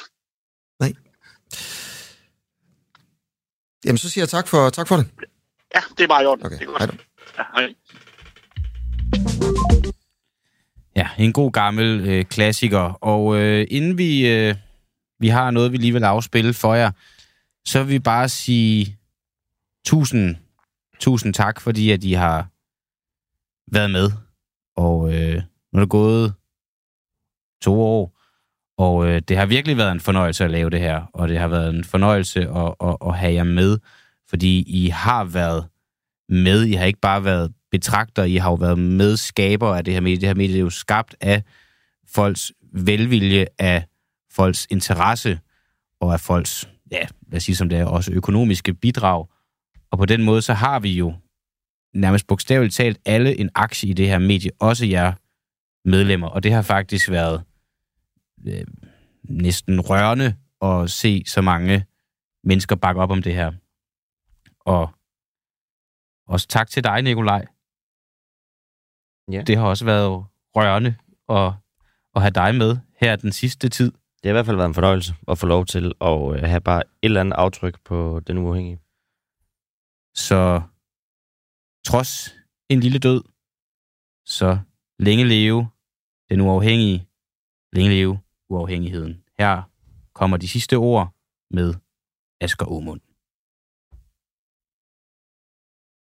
princippet om, at reportagen skal være objektiv, men pressens holdninger og kommentarer skal være subjektive og give klart udtryk for det enkelte medies egne synspunkter, men den gyldne presseregel kræver dog, at man klart skal kunne skelne mellem kendskærninger og holdninger.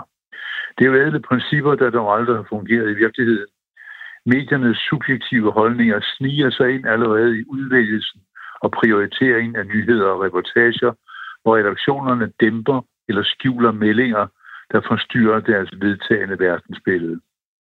Det bærende princip i produktion og præsentation af mediestoffet er derfor at bekræfte brugerne i deres meninger og holdninger og at opdrage dem til at fastholde dette mønster. Men hvor man tidligere dog kunne ane konturerne af princippet om adskillelse af fakta og fiktion, er danske medier nu sammensluttet i et internationalt, progressivt meningskollektiv. En permanent censurerende nyhedsstyring, der er endt i en rendyrket kampagnejournalistik. Nyheder, der anses for behagelige eller stødende mod den offentlige mening, fjernes brutalt fra medieformidlingen, uden at uden til, til fordel for politisk korrekte reportager og nyheder, der bekræfter det, man bør tro og tænke. Den udvikling har længe været i gang, men tog for alvor fat under Mohammed-krisen i 2006. Danske medier tør i dag ikke bringe de famøse tegninger, men er fyldt med pinlige undskyldninger for, hvorfor man ikke gør det. Danske medier har overgivet sig betingelsesløst til klimahysteriet og har forladt objektive og redelige informationer om, hvad der er kendskærninger og hvad der er tro og propaganda i klimadebatten. En hver oversvømmelse, tørke eller orkan tilskrives automatisk den globale opvarmning forårsaget af stigende CO2-udledning, med det resultat, at en hel ungdomsgeneration nu sidder lammet af rejsen over klodens kommende undergang. Medierne afviser pure at give plads til kommentarer for respekterede klimaforskere, der ikke bekender sig til klimahysteriet. Kun meninger, der flugter med FN's klimapanel, kommer til over i danske medier. Under covid-pandemien lagde dansk presse sig fladt ned og accepterede uden kritik regeringens hårdhændede nedlukning af det danske samfund. Ingen avislæser eller tv-seer blev orienteret om, at amerikanske delstater som Florida og til dels Texas kom flot igennem epidemien, selvom de holdt skoler, erhvervsliv, restauranter og forlystelser åbne gennem hele forløbet. Medierne censurerede ligeledes robuste forskningsresultater, der påviste, at mundbind var uden effekt på smittespredningen. Danske medier tilsluttede sig siden 2016 helhjertet smedekampagnen mod præsident Trump, hvis reformer og resultater aldrig bliver omtalt i dansk presse. Trump genoprettede amerikansk økonomi og beskæftigelse, gennemførte en moderne kriminalreform, fik bremset den ulovlige indvandring, skabte Abraham-aftalen mellem Sunni-islam og Israel og revitaliserede det amerikanske forsvar, samt bremsede Kinas udplyndring af amerikansk økonomi. Ikke et ord i dansk presse. Til gengæld hørte vi heller ikke et ord om præsident Bidens korruptionscirkus, hvor ni medlemmer af Biden-familien gennem op til 20 internationale skuffeselskaber har modtaget enorme summer fra Kina, Ukraine og Rusland til gengæld for politisk indflydelse, mens Joe Biden var vicepræsident. Danske tv-seere og avislæsere, der ikke formår at orientere sig internationalt, lever i dag under et nyheds- og meningsdiktatur, hvor de udelukkende bliver madet med udvalgte, censurerede nyheder og holdninger. Danske medier burde kunne idømmes en lang og hård kollektiv straf for mordet på anstændig presseetik og for usømmelig omgang med lige, nemlig livet af den frie presse.